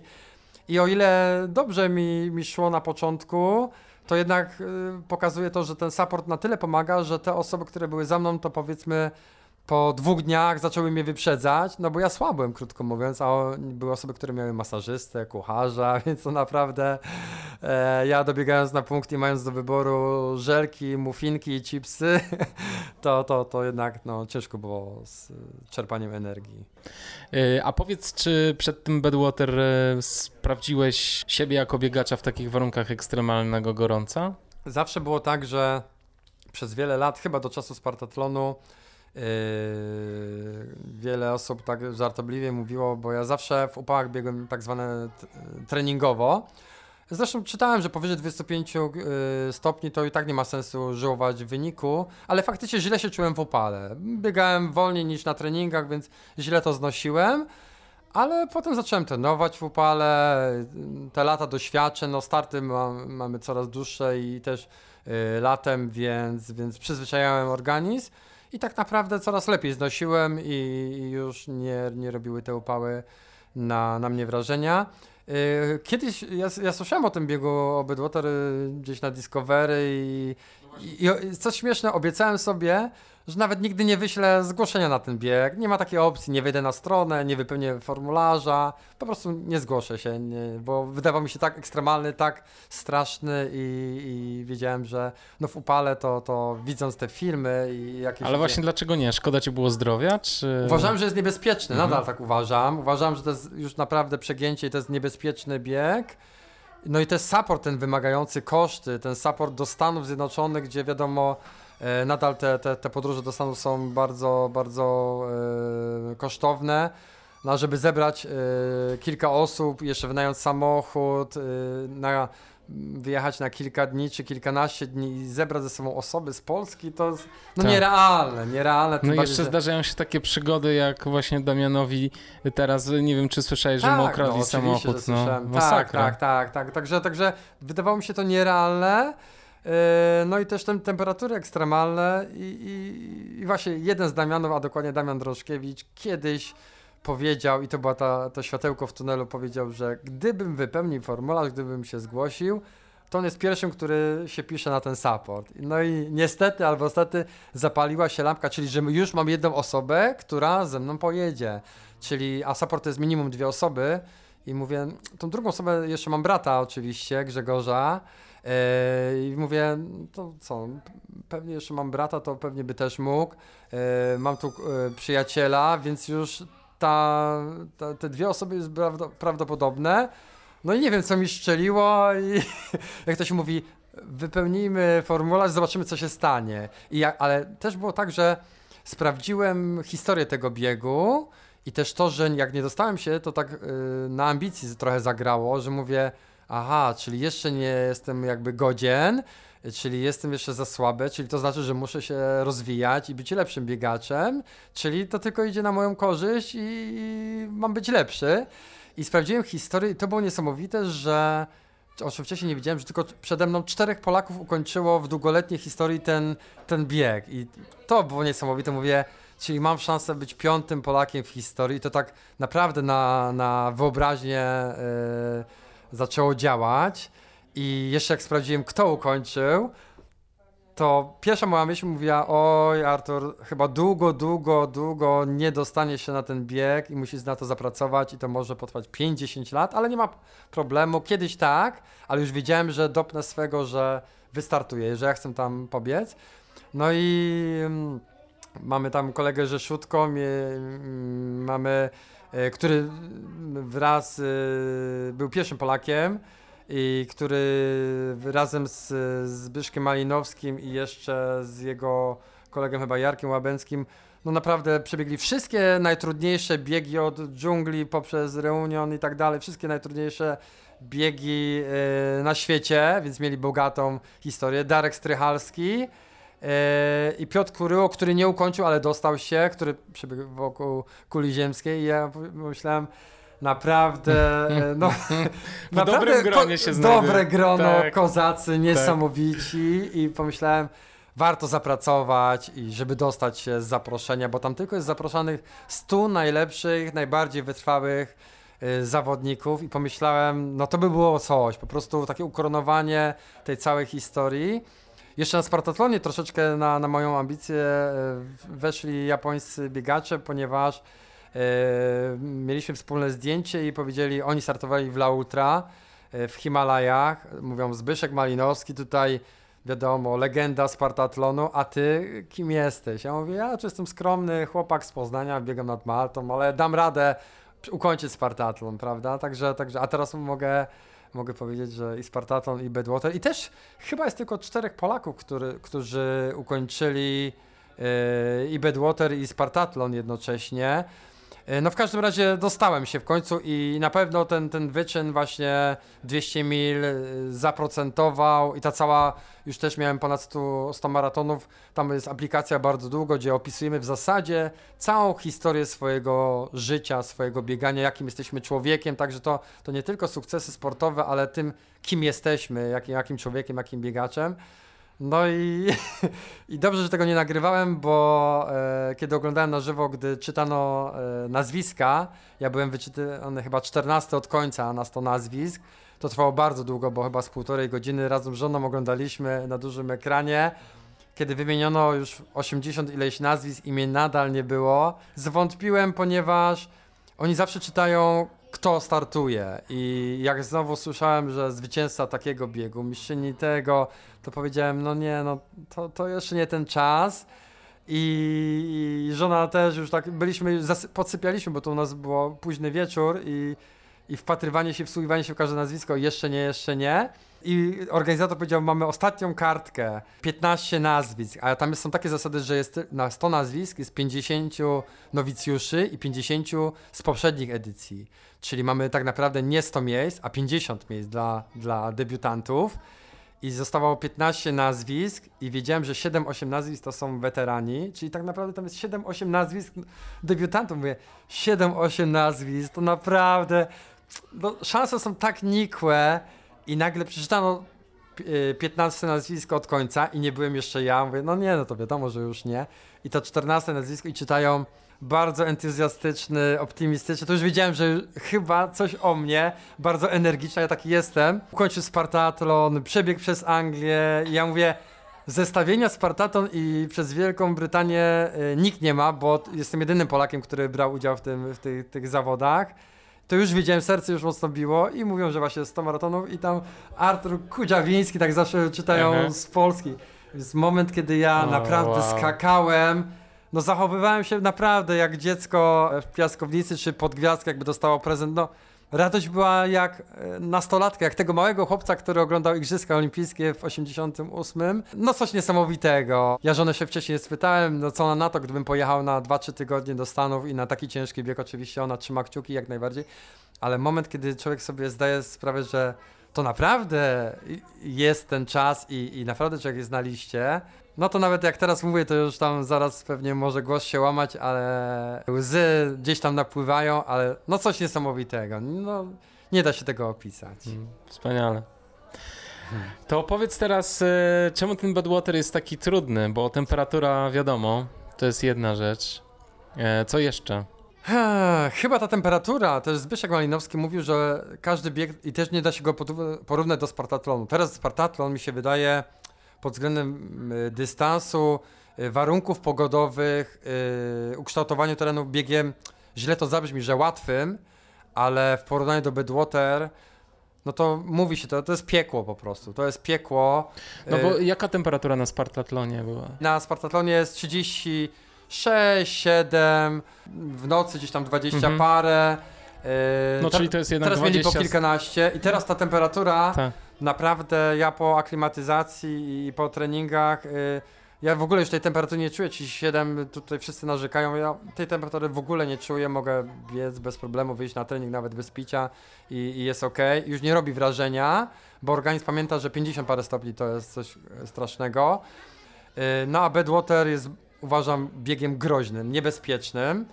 Ja to rodzinie, mm, jak odsłuchają jakiś wywiad, to, to wiedzą, ale uważam, to jest bieg zagrażający życiu.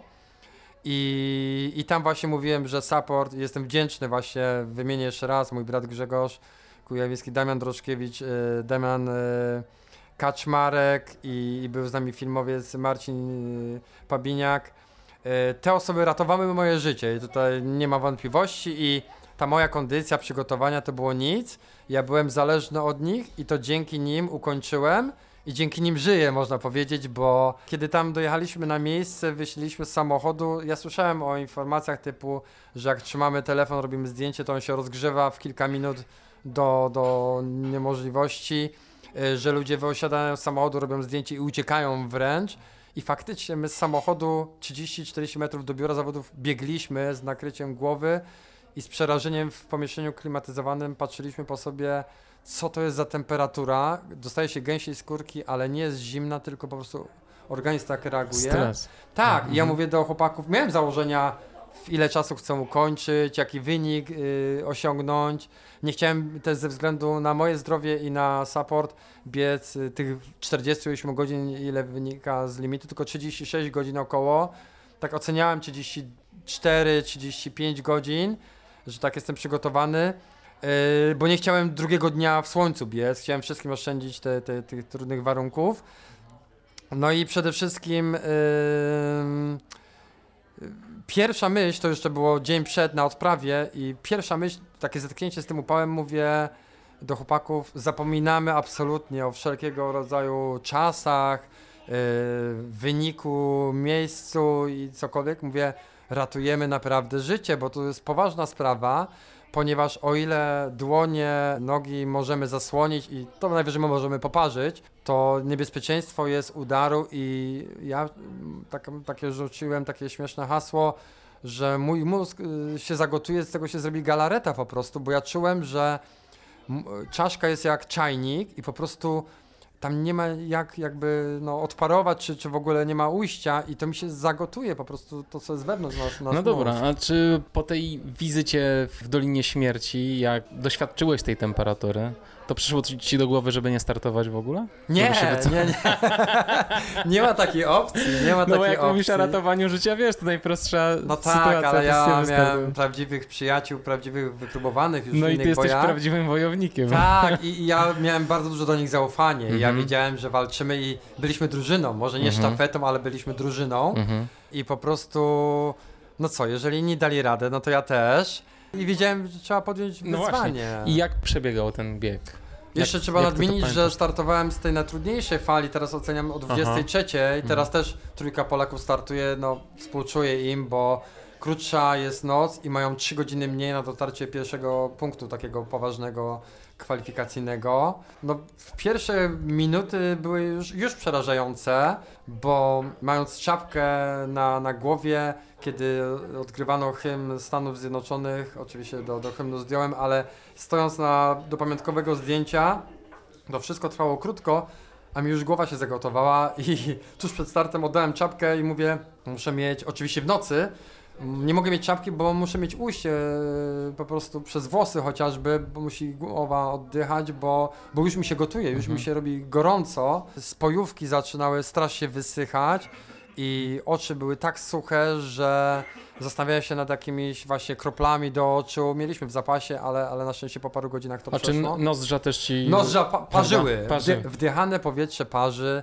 jadąc na start, szyby od wewnątrz są gorące, wystawiając rękę, ręka parzy, to są wazelina, którą e, chciałem posmarować stopy po wyjęciu z bagażnika, była jak, jak woda z kranu, więc szybko trzeba było odżywki sować do lodówki, no rzeczy niesamowite się, się działy. E, Gęste powietrze, gdzie ja po 50 km byłem zmęczony jak po 80 po, czy po 100. Y, Mówiłem do kolegów, że jakbym biegł w smole po prostu. Yy, a przecież byłem tak przygotowany, że 100 km nie robiło wrażenia, a tutaj ja po 50 km czułem się już bardzo, jakbym biegł y, w smole, w jakimś mule i bardzo siłowo, prawda? I bardzo groźne było okulary, które miałem przeciwsłoneczne, które z szybkami były przezroczystymi na noc, bo czasami się zdarzały burze piaskowe w niektórych edycjach. Y, Rozgrzewały się i też mówię do chłopaków, ja nie wiem co z tym powiedzmy pleksą, plastikiem, nie wiem, tym tworzywem, czy to się stopi, czy mi pęknie i wpadnie w źrenicę. No, były różne sytuacje takie groźne. E, Więc, więc no naprawdę bardzo, bardzo ciężko będą mieli. Damian był w moim saporcie, więc on już wie jak to wygląda, ale e, Krystian Ogły i Patrycja Bereznowska no aklimatyzują się, ale, ale jeszcze nie mają tych temperatur, tych 50 parę. My trafiliśmy w ogóle w rekord historii Stanów Zjednoczonych w lipcu właśnie w Dolinie Śmierci, właśnie te 54, rekord w ogóle w historii świata jest 57 z groszami, a tu było 54, co jest niesamowite. Niesamowite. Nie ma gdzie się uchronić, nie ma żadnego Tak. cienia, Tak. więc, więc tylko polewanie wodą cały czas. No dobrze, startujesz o tej 23 i, e, i już się gotujesz e, od razu. Tak, tak, co bie- dalej? biegnę, biegnę. Bo jest noc, prawda? Biegnę, biegnę i oczywiście założenia czasowe już na nie nie patrzę. Biegnę z tą czołówką światową i, i zaczynają mi uciekać. E, Już wiem, że to tempo muszę niestety troszeczkę zwiększyć, ponieważ e, ja biegnę z czołówką, z elitą i, i oni zaczynają mi uciekać, więc, więc chcę mieć ich w zasięgu wzroku chociażby. No i tam też są limity, prawda? Tak, tak, ta grupa 30-osobowa. Widzę, że mimo, że support to dużo czasu zajmuje, więc jak patrzymy na papierze, te czasy się wydają, międzyczasy, ten, ten przebieg e, wydaje nam się śmieszny, typu 5-6 km na godzinę. Wydaje nam się śmieszny, że to można pieszo, ale logistyka dużo czasu zajmuje, ponieważ bardzo często trzeba stawać, zatrzymywać się, być polewanym, e, zwilżyć usta, napić się, e, jakiś żel zjeść, ale ta logistyka zraszania wodą, schładzania całego organizmu, ona jest bardzo długa i tutaj nie można patrzeć, że, że szybko, szybko, tylko tu ratujemy życie, więc 5 minut y, oczywiście może zbawić pod względem limitu czasowego, ale przede wszystkim ratujemy życie, dbamy o to i, i to jest najważniejsze, bo co jest ważne, biegło 100 wyselekcjonowanych osób, których orga, y, organizator uważa, że są godne i są gotowe ukończyć. A mimo wszystko jedna trzecia z tych wyselekcjonowanych z całego świata ludzi, którzy naprawdę niejedno przebiegli i nawet y, osoby, które biegły siódmy, ósmy raz, y, nie ukończyły tej edycji. Nawet rekordzista y, trasy Peter Kostelnik, dwukrotny zwycięzca i rekordzista trasy nie ukończył, więc naprawdę poważne sprawy się tam działy i ta edycja, w której ja startowałem, była bardzo, bardzo trudna i wymagająca. I oczywiście miałem dwa momenty, które, które y, no byłem prawie pewien, że nie ukończę, krótko mówiąc. Bardzo dwa silne kryzysy.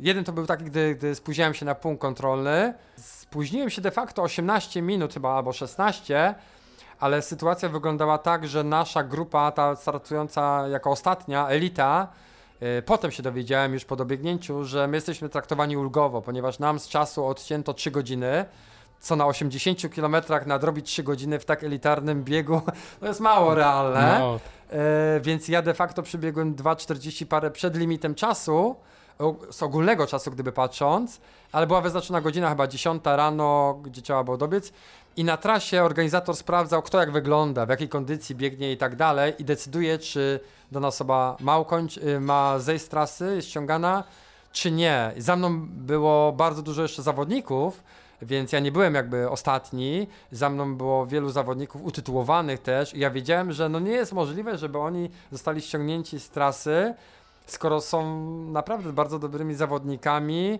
I ja mam albo ich w zasięgu wzroku, są 200 metrów przede mną, albo za mną, a są też niektórzy byli zawodnicy, którzy się słaniali. I, I krótko mówiąc, były patrole i, i organizator już chyba 2-3 km przed y, dawał mi sygnał, że, że mam biec do, do punktu i, i jest ok. Ale to był bardzo najcięższa chwila w moim życiu, ponieważ y, wiedziałem, że spóźnię się, ponieważ ta cała logistyka, to schładzanie, y, odpoczywanie zajmowało dużo czasu i miałem taki straszny, straszny kryzys i mentalny, i fizyczny, ponieważ były kolejne wzgórza, tam mamy przewyższenie rzędu prawie 5000 metrów, więc prawie Mont Blanc, albo cz- no w każdym razie... cztery z kawałkiem. Cztery z kawałkiem, Mhm. 4800, 4600, ale, ale sporo, jak Mhm. na taki bieg w tym asfalcie i, i upale. I po prostu to wszystko utrudniało to tempo. Ciężko było je utrzymać, plus kłopoty żołądkowe, które są nieodzowne. I mi było żal tego, że po 80 km ta cała, nazwijmy to zabawa, ten cały wysiłek, przecież ze mną jechały cztery osoby, które bardzo dużo poświęciły i środków pieniężnych, bo ja nie miałem sponsorów, i, i swój urlop, zaangażowanie, i że my skończymy nawet nie w połowie dystansu. Zresztą podobno debiutanci docierają większość debiutantów tylko do 120 km około, więc y, mówię, ta historia mogła się powtórzyć. Piotr Kryło szedł z trasy, Darek Strychalski w debiucie był ściągnięty z trasy ze względu na udar, więc wiedziałem, że to jest poważna sprawa, no i że to może się skończyć i support jechał obok, ja biegłem, spoglądałem na nich, patrzyłem na zegarek i mówię, choinka, no naprawdę, ja już wypruwam żyły, naprawdę, to jest grubo więcej ponad 100% moich sił, a ja nie mogę nic zrobić, bo ten upał 50 parę stopni to jest tak jakbym biegł z 50-kilogramowym workiem, po prostu tak dociska do ziemi, że co chwilę musiałem być schładzany yy, i było bardzo ciężko. Po o ile dobrze, konsekwencje byłyby dla mnie, ale co z tą drużyną, prawda? Oni liczą na mnie i ja nie mogę powiedzieć, że no co, nie daję rady, za słaby jestem, nie chce mi się i tak dalej. No i naprawdę wyprułem wszystkie flaki, dostaliśmy do punktu, jeszcze wysłaliśmy brata i chłopaków wcześniej do organizatora, żeby powiadomić, że ja jestem na trasie, już jestem bardzo blisko, półtora kilometra, że wszystko jest ok. Zresztą organizator, też dyrektor jechał i widzieli i cały czas pokazywali kciuki, że naprawdę mocno wygląda, bo ja naprawdę żywym krokiem biegłem. No i co, dobiegłem do punktu, otrzymałem informację, że możemy biec dalej, ale ja potrzebowałem odpoczynku i tam chyba odpoczywałem, nie wiem, pół godziny. Powiedziałem chłopakom, słuchajcie, ja potrzebuję pół godziny dżemki, czy w ogóle w cień, tam była taka przebudówka, ja muszę się położyć bo ja zużyłem całą energię, bo ja y, myślałem, że my już więcej nie pobiegniemy, więc nie było sensu biec na 3 czwarte, na 90%, ja musiałem biec na 150%, 200, bo to, mogło, to już mógł być ostatni kilometr y, tego biegu, więc nie było sensu ani, ani 1% zostawiać sił, bo każda minuta tolerancji, ja nie wiedziałem, czy y, mogę się spóźnić 7 minut, 6, 11, więc każda, walczyłem o każde 30 sekund tak naprawdę i padłem, i padłem. I, i też ten, ten wynik końcowy wynika też z tego, że ja musiałem po pół godzinie mniej więcej z jedzeniu, napiciu się ruszyć dalej w trasę, a to była już godzina 11-12 w południe, no jeszcze na szczycie. Najgorszy moment. najgorszy moment i mozolnie, powoli, powoli. Niektórzy zostali z zawodników na tym punkcie, niektórzy nie zostali. 10 minut za mną już zawodnicy otrzymywali informację, że już mają kończyć i, i nie, nie biegną, a z tego punktu też nie wszyscy się podnieśli, niektórzy wystartowali dalej. Więc. Tam też były jakieś procedury związane z tym, że wypuszczali cię z punktu albo nie? Ktoś to sprawdzał? Nie, ta, na punkcie były osoby i otaczały po prostu, kto, kto przybiegł. tak, ale czy twój stan spra sprawdzały, twój, twój mental, twój stan to, fizyczny? To widzieli i na trasie widzieli. też, tak, mhm. tak. To znaczy przy samym wyjściu już nie, ale przy dotarciu przy spojrzeli, dotarciu. tak, mhm. tak. I, I wiedzieli, że wszystko, wszystko gra, więc pozwolenie było. No i też niestety wyganiali nas z tego punktu, więc to nie było tak, że ja mogłem godzinę, dwie nawet miałem czas, tylko zbieramy, zbieramy i lecimy dalej, bo też tam czas się kończy, więc nas trochę popędzali. No i, znowu docieranie, docieranie yy, i patrole, które, które spoglądały też w źrenicę i wywiad taki środowiskowy nazwijmy, czy wszystko wygląda, wygląda ok.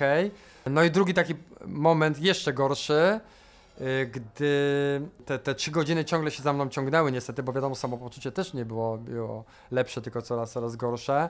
I gdy była druga noc, ja już byłem naprawdę wyczerpany, bo w nocy było 43-44 stopnie. I miałem do najbliższego punktu, który był chyba o 5, 5.30 mniej więcej, miałem jakieś 3-4 godziny biegu, bo była gdzieś, z tego co teraz pamiętam, pierwsza w nocy około. I mój organizm był totalnie wyczerpany ja bardzo się źle czułem, bardzo mało odpoczywałem, no w zasadzie nie spałem. I do punktu było 4 godziny, gdzie mogłem, wiedziałem, że mogę zrobić maksimum pół godziny dżemki. I ja się tak źle czułem. Wiedziałem, że tak się wszystko przesuwa, że mnie czeka po tym punkcie kolejny dzień, 12 godzin w słońcu. A ja wiedziałem, że skoro już jestem tak wyczerpany, to mój organizm nie ma siły walczyć. Co innego pierwszy dzień, kiedy jestem na świeżości, wypoczęty, wyspany i tak dalej i tak mentalnie nie widziałem tego, jak ja mam tam dotrzeć, a czas się kończył. W ogóle to dotarłem tam 7 minut przed, przed limitem, więc znowu, znowu tuż na ostatnie, ale była taka sytuacja, że się czułem jak, y, źle to zabrzmi, ale jak śmierć kliniczna. Wiedziałem jak człowiek umiera, krótko mówiąc. To naprawdę, ja nie wiem gdzie już byłem mentalnie i fizycznie, ale czułem się jak kwiat y, ginący na, na pustyni, bo mój organizm był, był tak wyczerpany, chyba naj, najbardziej w moim życiu. I to było w nocy i byłem sam na sam z myślami, gdzieś tam za potrzebą fizjologiczną przy krzaczku, ale patrzyłem w gwiazdy, gdzieś tam support był w pobliżu. I ja nie chciałem zejść z trasy, ale takie miałem bardzo taką dużą prośbę, mówię, niech ktoś z nich podejdzie, spojrzy mi w oczy powie Artur, kończymy to już, bo naprawdę już jest tak źle, ty już jesteś tak wyczerpany, walczyłeś, ale niestety, no nie udało się, ale no, zdrowie i wszystko y, kończymy już. I tak w myślach prosiłem, żeby to oni podjęli tą decyzję. I oni gdzieś tam siedzieli w samochodzie, nie widzieli ani moich myśli, ja im tego nie powiedziałem, bo ja nie chciałem, bo ja nigdy nie zszedłem z trasy i nie chciałem podjąć tej decyzji. E, no bo chcę walczyć, ale chciałem, żeby to ktoś podjął na zasadzie Tak. z, Przynajmniej zasugerował ci. zasugerował i naprawdę wystarczyło hasło, aczkolwiek aha. wiem, że tak naprawdę by się skończyło, że odpocząłbym dwie, trzy próby, też na pewno to nie byłaby jedna próba, ale z dwie, trzy próby y, odnowy biologicznej, ruszenia na trasę i, i pewnie dopiero jakbym urwał mi się film, to dopiero pewnie by był koniec biegu, jakbym zemdlał, ale w każdym razie nie doszło do tego.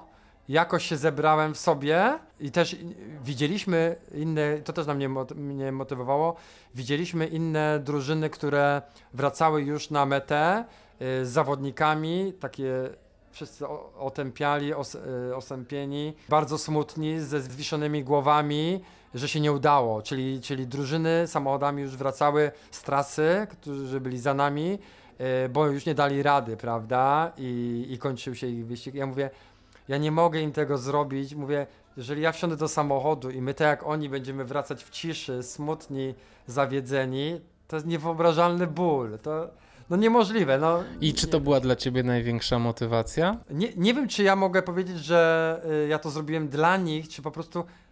Nie wiem, mam takie serce, że ja nie mogłem tego im zrobić, bo oni tyle poświęcili i tak mi pomagali, tak się zaangażowali, że ja nie mogłem tego zrobić, że ja się poddaję i nie mogłem przerwać tego. Po prostu nie.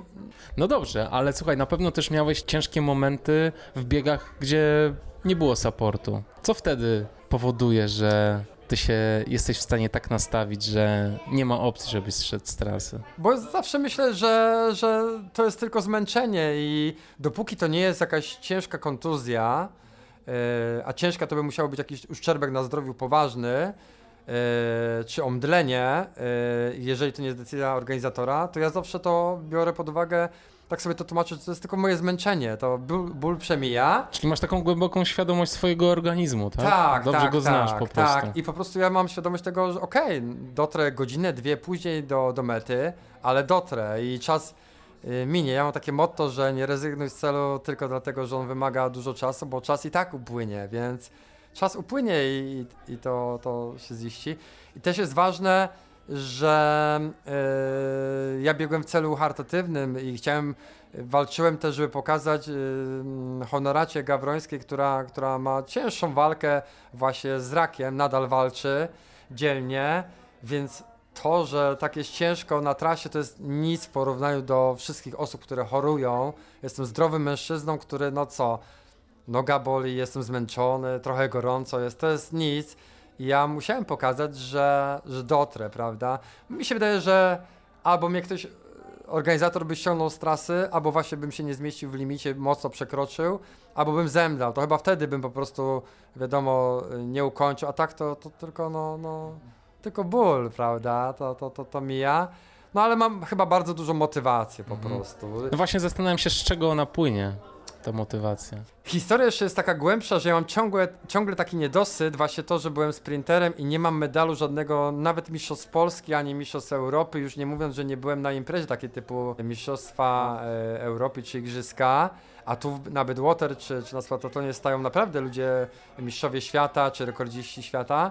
I ja mam ciągle ten niedosyt, że ja nie byłem na tych arenach, nie byłem takim prawdziwym, jak mam znajomego Marcina Lewandowskiego na 800 metrów, wspaniały człowiek, bardzo mu kibicuję, ale mam też grono znajomych, którzy są olimpijczykami, zdobywają te medale i ja, będąc małym chłopcem, chciałem być takim właśnie, chciałem być jednym z nich, chciałem być w kadrze Polski z orzełkiem na piersi, chciałem być mistrzem, jeździć po, po Golden League i tak dalej i ja mam do dzisiaj ten niedosyt, ale chyba tak stwierdzam, taka, taka historia, że chyba dobrze, bo to mnie napędza cały czas i niech to mnie napędza do 80 czy 90. Ten niedosyt, że ciągle chcę być tym sportowcem niespełnionym, który ciągle sam sobie e, takie ego męskie chce udowodnić. Ja uważam, że to jest takie męskie ego, czyli jestem takim prawdziwym facetem, fighterem. No i co, póki nie ma jakiejś poważnej kontuzji, właśnie jakiegoś uszczerbku na zdrowiu poważnego, to to jest tylko walka, to, to jest walka, to, to nie, nie można być miękkim, że, bo ja nie mogę zrozumieć, że ktoś rezygnuje, no bo co, będzie miał gorszy czas, ale to doświadczenie po, po biegu za metą, raz, że jesteśmy mądrzejsi, wiemy jak, jak dalsza trasa przebiega, ale możemy przeanalizować, jaka, jaki był powód. Nie zawsze mamy ten dzień. Tak naprawdę ja już mam, nie wiem ile biegów, ale to setki, jeżeli już nie do tysiąca się e, w sumie zbliżyłem na różnych dystansach. I z tych maratonów i ultra, to podejrzewam większość jest trudniejszych i mniej udanych niż te, które idą gładko, w euforii, z życiówką. Więc tych, tych trudniejszych momentów jest więcej. Absolutnie.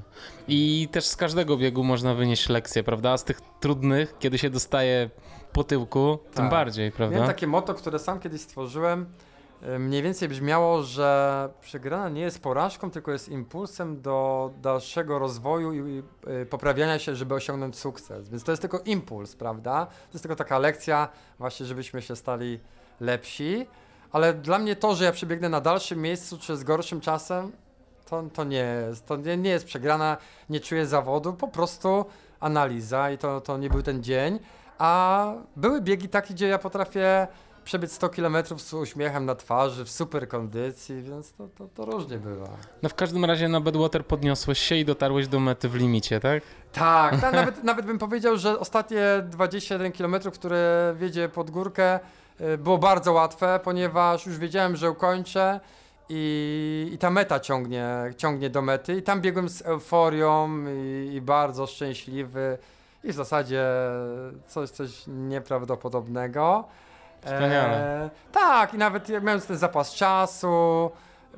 Teraz, jak gdybym drugi raz wystartował, to można zrobić wszystko lepiej, jest się mądrzejszym, więc zawsze No mówię, właśnie, chcę się ciebie spytać, co byś poradził teraz Patrycji Bereznowskiej, Damianowi Kaczmarkowi i Krystianowi Ogły. Za trzy dni startują. tak, Jako, co byś im przekazał? Ja- tam spotkałem, y, mm, chyba nazwisko Urlich się nazywa, ultramaratończyka, który ukończył chyba 21 razy najwięcej u- y, Bedwater. Nie ukończył właśnie w tym roku, w którym ja biegłem, a w ogóle on się tym nie zmartwił. On ukończył 21 albo 20 razy. Myślę, że ten 20 któryś raz już mu nie zrobił różnicy, bo on już wiekowy jest i, i naprawdę dla fanów tam startował. I też go zapytałem, co by mi poradził? On startuje 20 chyba pierwszy raz, a ja pierwszy raz. I, i co by mi poradził? Mówi, polewanie wodą, nawadnianie. To jest najważniejsze i to też bym im radził, żeby cały czas dbali o to, żeby organizm był schłodzony, nawodniony i to ich uratuje, bo nawet w momencie kryzysu, przede wszystkim jak doprowadzą do przegrzania organizmu, to już jest po biegu, to mm, ciężko będzie się podnieść, bo to są takie konsekwencje duże, że Długo się regenerujesz z, czegoś Tak, takiego. bo to- Mhm. to jest tak, że oni nie wyjdą, y, nie przeczekają do, do chłodniejszej pory i też nie ma możliwości przeczekania 5-6 godzin, bo tam nie będzie chłodniej, tam będzie minimum 40 parę stopni, tam jest bardzo sucho yy, i, i nie będzie chłodniej i nie polepszy się. I jeszcze jest takie ukształtowanie terenu, gdzie piekarnik się robi, gdy wbiegniemy w góry, więc wcale nie jest łatwiej. Wiatr jak zawieje, to on nie jest chłodzący, tylko on jeszcze nagrzewa. Jest i- jak z suszarki, tak? tak, jest jak z suszarki, a my cały czas jesteśmy jak w piekarniku, więc woda, woda, lód, lód, nawadnianie, chronienie głowy przede wszystkim. Także Support ma do ciebie dostęp e, w każdej chwili, tak? support jedzie obok, Obok. więc Mhm. oczywiście my musimy zbiegać do supportu i wtedy oni mogą nam po drugiej stronie ulicy pomóc, ale cały czas jest kontakt wzrokowy i cały czas jest ta kontrola i cały czas możemy krzyknąć i, i dać znać, yy, kiedy chcemy jaki posiłek, kiedy chcemy schłodzenie, więc to, ale w supporcie muszą być osoby świadome, no bo my pod wpływem dystansu i upału nie zawsze kontrolujemy co jeść, co pić, co schładzać, więc to musi być wszystko wyliczone i support musi być e, schłodzony i co najważniejsze, tam nie ma ani chwili wolnego, support musi być każdą sekundę, każdą minutę baczny, no bo w każdej chwili zawodnik może zemdleć na przykład, także... A czy na Bedwater miałeś przygotowane jakieś inne picie i jedzenie niż zazwyczaj? Nie, nie, miałem wszystko wypróbowane i to jest ważne, yy, tylko miałem tego więcej, prawda? Czy bardziej zróżnicowane, bo miałem możliwość taką, że mogłem to w samochodzie mieć, czyli yy, mieliśmy maszynkę do przygotowania jakichś potraw ciepłych, to miałem ten spokój, że jeżeli chcę jakieś yy, zupki yy, takie zalewane wrzątkiem, to ja będę miał, czyli miałem ten spokój psychiczny, że będę chciał ciepły makaron, jakiś zupę, to dostanę ją, prawda? A nie, że muszę dobiec ileś kilometrów, bo możemy się zatrzymać w dowolnym miejscu yy, na trasie i przygotować to, yy, a nie, że muszę czekać na punkt i nie wiem, czy to będzie rozgotowane. No to ciekawe, pomimo tej temperatury nie chciałeś jeść rzeczy Na letnich. zmianę. To, to, to różne, to różne. To, to na- wchodziły ci te ciepłe dania Te- też, też, tak? też, Mhm. tak, tak, tak, tak. To, to, to, to różnie to trzeba mieszać i, i, i słuchać organizmu, więc to naprawdę E, Później e, odżywki już, już nie są przyjmowane przez organizm, bo, bo zbyt mdlą i, i bardziej e, patrzymy na, na inne jedzenie, tak, i naprawdę to, to, to trzeba też, też, też patrzeć. No, także, no ale bardzo ciężki bieg. Czy tam bym wrócił? Nie wiem, bo koszty są e, uczestnictwa, bo to ja jestem plus, plus support, plus samochód, plus aklimatyzacja na miejscu, więc trzeba naprawdę mieć A czy bardzo- sam pakiet startowy, że się tak wyrażę, to Numer kosztuje? startowy naprawdę bardzo mały, bo chyba kartki A5, bo jak pocztówka, Aha. więc mało widoczny jest, więc w tym, sam- Ale w tym płaci się coś za udział w biegu? bardzo dużo, Tak? 1500 dolarów, czyli na polskie no, prawie 5000 złotych Mhm. i nie ma nic. No tak, Nawet nie nie ma... ma punktów odżywczych za bardzo. Tak, jest Tam fame. Że jest fame, nie ma nagród finansowych, jest du duma, prawda? jest tak. duma. No ale logistyka też trochę, trochę wymaga, no i po prostu zabezpieczenie.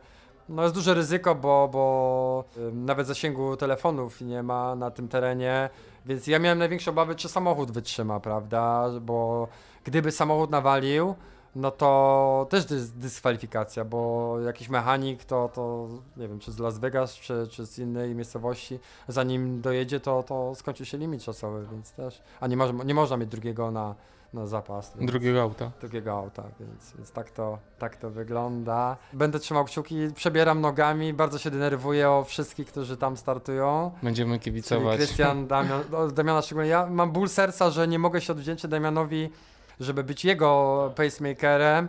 No ale i sprawy życiowe, i rodzinne, i zawodowe nie pozwalają mi na to. Ale wiem, że ma wspaniały support również. Wiem, że jest niesamowicie przygotowany. W tym roku został mistrzem Polski na 100 km. Jest zaaklimatyzowany. Nie boję się powiedzieć, że jest o wiele, wiele lepszy ode mnie. Ma też y, bogatą karierę zawodniczą. Był kiedyś chodziarzem, o, o, co ciekawe. No ale jest bardzo wytrzymały, zaaklimatyzowany, lepsze warunki fizyczne, więc jest bardzo dobry i będzie tam walczył o czołowe miejsca, więc, zobaczymy. Aczkolwiek to jest bardzo ryzykowne, bo jego cierpienie będzie jeszcze większe, bo walka o wysokie miejsce powoduje, że bardziej cierpimy i, i też psychicznie ten czas, gdy ucieka. A to... on się wiesz, że się nastawia na jakiś wynik, tak? Tak, tak, Mhm. tak. I też biegnie od 23, czyli tą czołówkę, tą elitę będzie miał w zasięgu wzroku i chce ruszyć mocno. Boję Mhm. się bardzo. To jest jego pierwsza próba na Badwater? Pierwsza próba, Mhm. ale jako, e, A jako support, zawodnik, w On był moim pacemakerem i ze mną przebiegł podczas Badwater 100 km, także Mhm, No tak.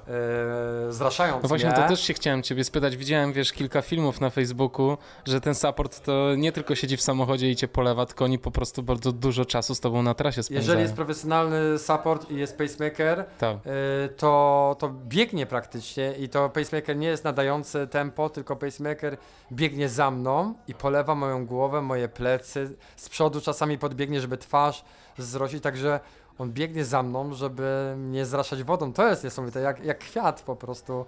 Bardzo się denerwuję, bo gdybym był na miejscu, tylko ja wiem, że nawet krzyki, czy nawet chociażbym go na rękach niósł, to nie pomoże w momencie, kiedy człowiek się źle czuje, kiedy organizm odmawia posłuszeństwa. To jest, to jest najtrudniejsze, ale wiem, że na te warunki on wiele też podróżował i, i był w Stanach już wcześniej, więc on wie, z czym to się jest. Zresztą tak mówię, przebieg 100 km w tych warunkach. Przeżyliśmy tam naprawdę niesamowite przygody na trasie, gdzie ob, obaj zasypialiśmy na trasie, więc coś, coś wspaniałego. No więc denerwuję się bardzo, bo, bo nie będę tego widział, ale wiem, że ma wspaniałych ludzi i na miejscu i, i on jest bardzo dobrze przygotowany, w bardzo dobrej formie, więc no, O Jezu. będą, dla kibiców będą niesamowite emocje. Tak. Krystian wiem, że biegnie, żeby ukończyć, aczkolwiek też bardzo dobrze biega. Y, Damian jest niesamowicie mocny i niesamowicie przygotowany. A Patrycja rekordzistka, mistrzyni świata, zwyciężenie Spartatlonu, więc ona tam też będzie szaleć i wszyscy startują o jednej godzinie, więc będziemy mogli jako kibice ich śledzić. Tak, emocje będą ogromne. Emocje będą niesamowite. Wiem, że tam jest jakiś Japończyk bardzo dobry. No więc ja nie będę mógł zasnąć. Będę wychodził na trening chyba z telefonem, żeby co chwilę odświeżać wyniki. Co jest najgorsze? Ja nie będę mógł się skontaktować z supportem, żeby cokolwiek wiedzieć, jak Damian się czuje, ponieważ tam nie ma zasięgu. O, my też nie mogliśmy. Nie ma możliwości przekazania informacji na Facebooka, gdziekolwiek. Więc tylko będziemy mogli śledzić to, co organizator gdzieś tam może jakimś telefonem satelitarnym, czy gdzieś z bazy będzie widział, bo też śmiesznie to wygląda na punktach kontrolnych, zapisywanie ze względu chyba właśnie na ten zasięg, zawodnicy jak przybiegają, to są ręcznie zapisywani na tablicy, na kartce papieru, o której przybiegł i kto, więc to też jest tak, takie, tak, takie retro. Taki klimacik. tak, tak, tak. No dobrze, słuchaj, co dalej? Wiem, że szykujesz się na bieg w Szkocji. Znowu, znowu ze wschodu na zachód. Tak, tak, tak. Ile to mil znaczy z tym zachodu na razem? wschód y, 215 mil, dokładnie to jest jakieś 350 kilometrów. Nie boję się tego biegu, to jest zły objaw, ale mam nadzieję, że się nie boję, ponieważ już tyle Bo przeżyłem. przeżyłeś. Tak, już na. Znaczy inaczej, jestem gotowy na wszystko, na cierpienie, na to, że gdzieś będę w jakimś błocie. e, w zeszłym roku helikopterem kogoś zwozili. Jestem przygotowany na cierpienie, Pogoda na ból. pewnie będzie iście Deszczowa. angielska. Tak. tak, tak, tak. Więc jestem przygotowany na najgorsze i jestem przygotowany na walkę. Właśnie Arnold Schwarzenegger też miał takie, takie że jak człowiek jest wytrenowany, to jest gotowy, nie boi się bólu i cierpienia i, i ja jestem na to gotowy i, i wiem, że po prostu to jest walka i przygoda po prostu. A czemu akurat ten bieg? Bo szukałem i nie mogłem nic znaleźć, bo to też tak wygląda, że ciężko znaleźć potem coś, co zmobilizuje do treningów, co wzbudzi wyobraźnię i, i co napędzi właśnie, żeby, żeby trenować, żeby zgłosić się, żeby podjąć. Bo to jest prawda, po Bedwater już nic nie ma. Ciężko, trudne wyzwania. Ja mam koleżankę, ona chyba mieszka w Szkocji albo w Walii, która chyba ni- nigdzie nie startuje w tym roku, bo straciła motywację, bo, bo no, nie ma nic po Bedwater. To jest numer jeden na świecie.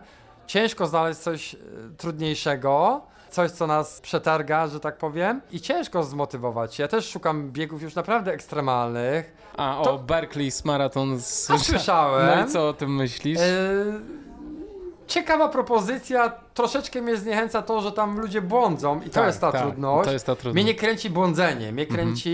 Długi dystans. Y, Też zauważyłem, że im dłuższe biegi, tym te budżety wpisowe jest bardzo trudne, bo już o support to możemy szaleńców znalazł, ale wpisowe ja znalazłem biegi, gdzie są po 20 tysięcy złotych wpisowe, w biegi ultra jakieś przez kilka krajów i tak dalej. I to, to jest bariera już naprawdę, bo ja mam takie nastawienie, że nie chciałbym nikogo prosić o pieniądze, ani, ani y, liczyć na czyjąś pomoc. Oczywiście, gdyby był sponsor i tak dalej, ale jakoś tak mam że nastawienie, że muszę na to zapracować.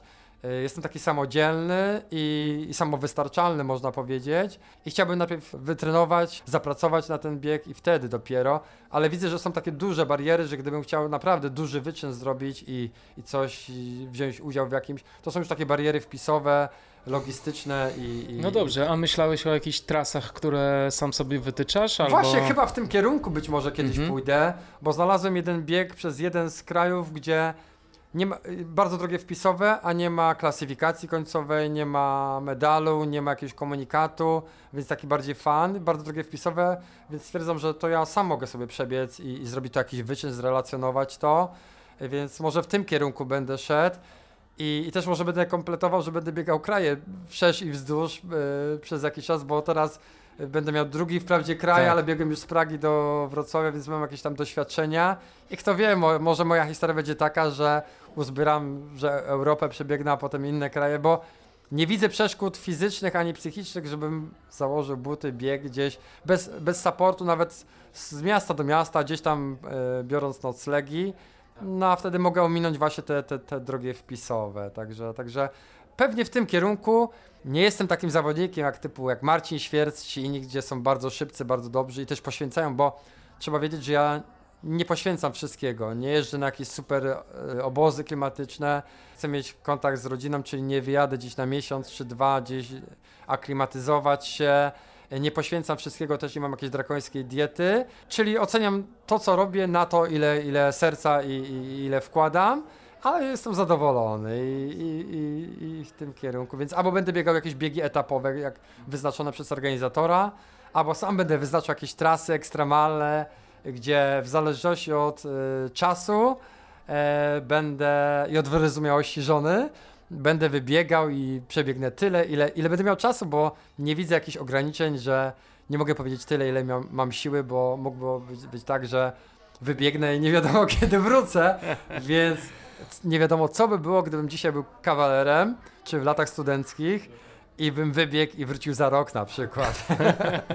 Także tak to A wygląda. czy żona bierze udział trochę w twoim biegowym życiu, czy trzyma się tak, obok? tak, tak. Przebiegliśmy razem, ja swój setny maraton, ona pierwszy swój maraton w pięknym miejscu na Hawajach. Mm. Więc to było coś niesamowitego. Ja specjalnie cały rok tak ułożyłem, żeby jej maraton wiązał się też z moim setnym, ale żebyśmy mieli piękną pamiątkę, żeby po prostu to zapamiętać i to spełnienie marzeń o, o takim wyjeździe, no i piękne miejsce. Więc ma wprawdzie jeden maraton, ale przyznam bardzo wymagający na debiut, to podziwiam, bo górzysta trasa, zresztą wiemy jak jest Ironman e, Kona na, na Hawajach. Bardzo górzysta trasa e, w środku nocy, w zasadzie o świcie, w dużym później upale, ciężka wilgotność, więc razem daliśmy radę i na różnych dystansach e, biega, także, także bardziej to ona traktuje dla, dla przyjemności, właśnie w ciekawych miejscach i dla fanów przede wszystkim, więc, więc wiesz czym to się wiąże, jest bardzo wyrozumiała i bardzo podziela. Zresztą jak się poznaliśmy, to wiedziała już, że ja biegam, więc jak najbardziej podziela Fajnie. moją pasję. Super. Byłeś w Seulu? Byłem w Seulu, można powiedzieć w 30 dokładnie, w, w 2018, w 30 rocznicę Igrzysk Olimpijskich. Historia niesamowita, no tak znalazłem gdzieś, będąc z żoną na, na wakacjach, znalazłem takie połączenie lotnicze, że na kilka dni mogliśmy polecieć do Seulu. E, W ogóle Korea, wspaniały kraj, na pewno będę chciał tam wrócić. Ja mówię do żony, ja muszę, tam by Carl Lewis z Benem Johnsonem, e, ja muszę, musimy stadion olimpijski zobaczyć. Ja lubię odwiedzać stadiony olimpijskie też, no bo no, zawsze chciałem tam wystartować, prawda? Dojeżdżamy na, na stadion olimpijski, wszystko pozamykane, to było chyba w środku tygodnia. W ogóle znalazłem tam taki magazyn opuszczony, gdzie są pamiątki olimpijskie, maskotki, nie maskotki. Nie wiem, czy to jest kiedyś otwarte, ale może to gdzieś zaginie. W każdym razie stadion zamknięty, wielki budynek, ten właśnie w Seulu.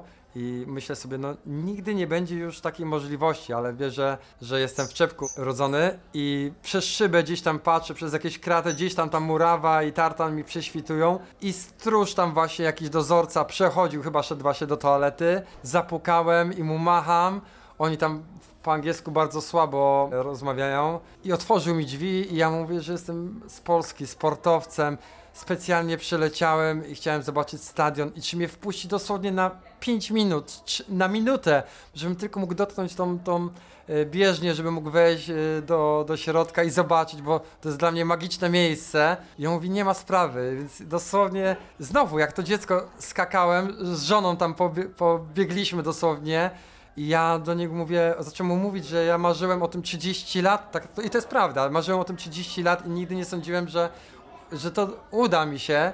I, I żeby tylko, ja tylko zrobię parę kroków, tylko na chwilkę tam będę, niech on poczeka, bo wiadomo, ma swoje sprawy i nie wolno wpuszczać.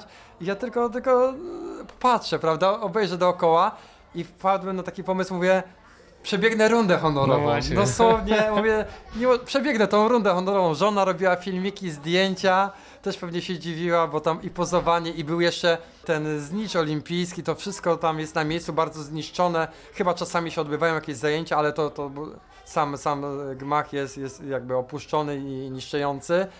Więc sesja zdjęciowa, e, przebiegłem 100 metrów i naprawdę po tych torach, gdzie ścigał się Ben Johnson, Carl Lewis, mam zdjęcia właśnie od startu do mety, dotykałem to miejsce i, i niesamowite i to się udało, więc spełniłem to marzenie, byłem na... W ogóle to ostatnio pomyślałem, że ta historia jest jeszcze piękniejsza, bo nawet jako kibic i chyba niewielu Polaków, niewielu ludzi na świecie biegło te 100 metrów w tym miejscu dokładnie, po których ścigał się Linford Christie, Carl Lewis, Ben Johnson na te 100 metrów na igrzyskach, więc niewielu zawodników polskich miało możliwość na tej prostej biec, tak naprawdę, więc, więc chyba nawet dostąpiłem większego zaszczytu może niż, niż mógłbym kiedykolwiek, czy takiego szczęścia. A historia jest jeszcze niesamowita. Kolejne marzenie, bo to mówię, cały czas mnie pcha, gdzie się oświadczyłem. Historia niesamowita. Mówię, co by mogło być najpiękniejsze w życiu, gdzie się oświadczyć? Mówię, podczas Igrzysk Olimpijskich, podczas 100 metrów. I to miało miejsce. Kupiłem bilety, znowu miałem szczęście, bo kupując bilety na chyba pół roku wcześniej czy rok wcześniej, na eliminację na 100 metrów, y, system wyrzuca, gdzie dostajemy bilety. I dostałem dokładnie w jednym z sektorów na linii mety, czyli dokładnie nasze sektory były na linii mety, czyli ładnie widziałem wszystkich sprinterów, którzy kończą, kończą 100 metrów i, i zaaranżowałem całe, całe oświadczyny. Mieliśmy wtedy kamerę, y, filmowali to, to, to kibice z tyłu. O tym się dowiedział y, przypadkowo Super Express. Była nawet relacja w gazetach, ponieważ miałem troszeczkę jeszcze takie marzenie, niespełnione do dzisiaj. Wcześniej y, te, o tych oświadczynach troszeczkę w inny sposób informowałem Polski Komitet Olimpijski, bo miałem prośbę, czy jest możliwość, miałem marzenie, bo chciałem być w wiosce olimpijskiej. Tam mają dostęp tylko akre, z akredytacją zawodnicy. Prawie by to się udało, ale jednak się nie udało. I opowiedziałem tam moją historię, że jestem sportowcem, który no, zakończył karierę, nie udało się mieć takiego poziomu. Ale czy jest możliwość właśnie, bo będę się oświadczał na stadionie z żoną, później bym chciał pojechać do wioski olimpijskiej. E, Byłem tylko pod wioską olimpijską. W każdym razie oni powiadomili jakoś Super Express właśnie, który tam się zjawił na miejscu. No i mieliśmy wspaniałe oświadczyny po eliminacjach e, 100 metrów. Więc mam to nagrane, cała trybuna, naprawdę chyba kilka tysięcy osób klaskało nam, bo na początku się dziwili o co chodzi, a ja mówiłem, że zaraz będą oświadczony. Bardzo się denerwowałem. Żona zaskoczona, bo też no, nie była ubrana jak y, pod zdjęcia i pod filmowanie, tylko, tylko zwyczajnie wakacyjnie. A potem nawet jeszcze byliśmy tak zdradzę, w rozmowach toku o drzizgi, y, o spełnionych marzeniach. Temat był fajny, bo tam zazwyczaj osoby się zwierzają z różnych intymnych spraw, a my mieliśmy o spełnionych marzeniach i ja mówiłem o tym spełnianiu marzeń wtedy właśnie o, o Igrzyskach Olimpijskich, czyli pobraliśmy się podczas, w, w, a nie dokończyłem, w Grecji e, w 2004 podczas Igrzysk Olimpijskich w starożytnej Grecji, więc e, pojechaliśmy na wakacje, że nic nie powiedziałem i i wykupiłem e, bilety właśnie. Także tak Pięknie. wszystko pięknie się układa, bo moim marzeniem było właśnie, żeby być e, sportowcem, biegaczem, olimpijczykiem. I tak się spełniam właśnie. Super. Artur, dziękuję Ci bardzo za tę opowieść Dziękuję. i życzę Ci powodzenia w Szkocji. Dziękuję. No i w Twoich planach biegowych. Dziękuję. No ja mam, moją motywacją jest to, że jak widzę biegaczy w wieku 70-80 lat ze wspaniałą kondycją, moim marzeniem jest tak naprawdę chyba, żebym tutaj na Poznańską Maltę w wieku 85 lat wyszedł sobie na spacerek, przetruchtał kółeczko, tylko przetruchtał w, nie, w obojętnie jakim czasie, ale o zdrowiu i powiedział, tu jest moje miejsce, do dzisiaj biegam i, i wtedy będę chyba najbardziej szczęśliwy. Oj, to piękne, Artur. dziękuję Ci serdecznie za rozmowę. Dzięki serdecznie. Trzymaj się. hej.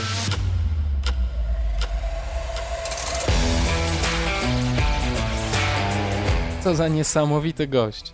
Totalnie zazdroszczę mu tego pozytywnego myślenia i umiejętności wyznaczenia celów oraz realizowania ich. Jak słucham Artura, to czuję dwie rzeczy. Po pierwsze, przemożną chęć założenia butów i zrobienia kilku kółek wokół Malty. Po drugie, podziw dla jego nastawienia do rywalizacji. Artur zrozumiał w pewnym momencie, że nie będzie najszybszy na świecie, ale odkrył, że szczęście leży w pokonywaniu samego siebie i niezwykle trudnych wyzwań. Walka o kolejne pudło często niesie frustrację. Walka o spełnianie marzeń chyba tylko szczęście. I taki właśnie jest Artur. Szczęśliwy. Dziękuję Wam serdecznie za odsłuchanie kolejnego odcinka mojego podcastu. Jeżeli podoba Wam się to, co robię i chcecie wesprzeć ten projekt, to lajkujcie, śledźcie i udostępniajcie posty i relacje na Facebooku i Instagramie. To wszystko pomoże mi docierać do jeszcze większego grona osób.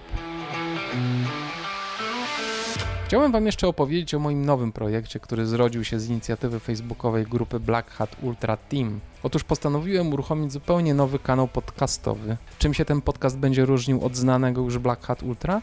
Będę w nim przedstawiał historię biegaczy amatorów, a raczej nie ja będę przedstawiał, tylko oni będą przedstawiać się sami, gdyż to oni nagrają swoją opowieść, wyślą do mnie, a ja oprawię i opublikuję w ramach podcastu Black Hat Ultra Team. Zapiszcie się na grupę Black Hat Ultra Team. Znajdziecie tam pytania do Was i wsparcie techniczne od osób, które już mają pierwsze doświadczenia za sobą. Liczę na Waszą szczerość. Być może będzie to jeden z tych momentów, kiedy usiądziecie i zastanowicie się, dlaczego biegacie, co jest dla Was ważne, jak o tym opowiedzieć w ciekawy sposób. Myślę, że wszyscy chętnie Was posłuchają. Oczywiście to nie jest łatwo otworzyć się przed nieznajomymi, ale jakże jest to uwalniające. Jeszcze raz dziękuję, że słuchacie tego podcastu. Dziękuję za miłe komentarze. To wszystko daje mi energię do działania, więc nie bójcie się wspierać mnie swoimi polubieniami i umieszczaniem informacji o podcaście Black Hat Ultra na swoich profilach w mediach społecznościowych. Dziękuję za wszystko. Buźka.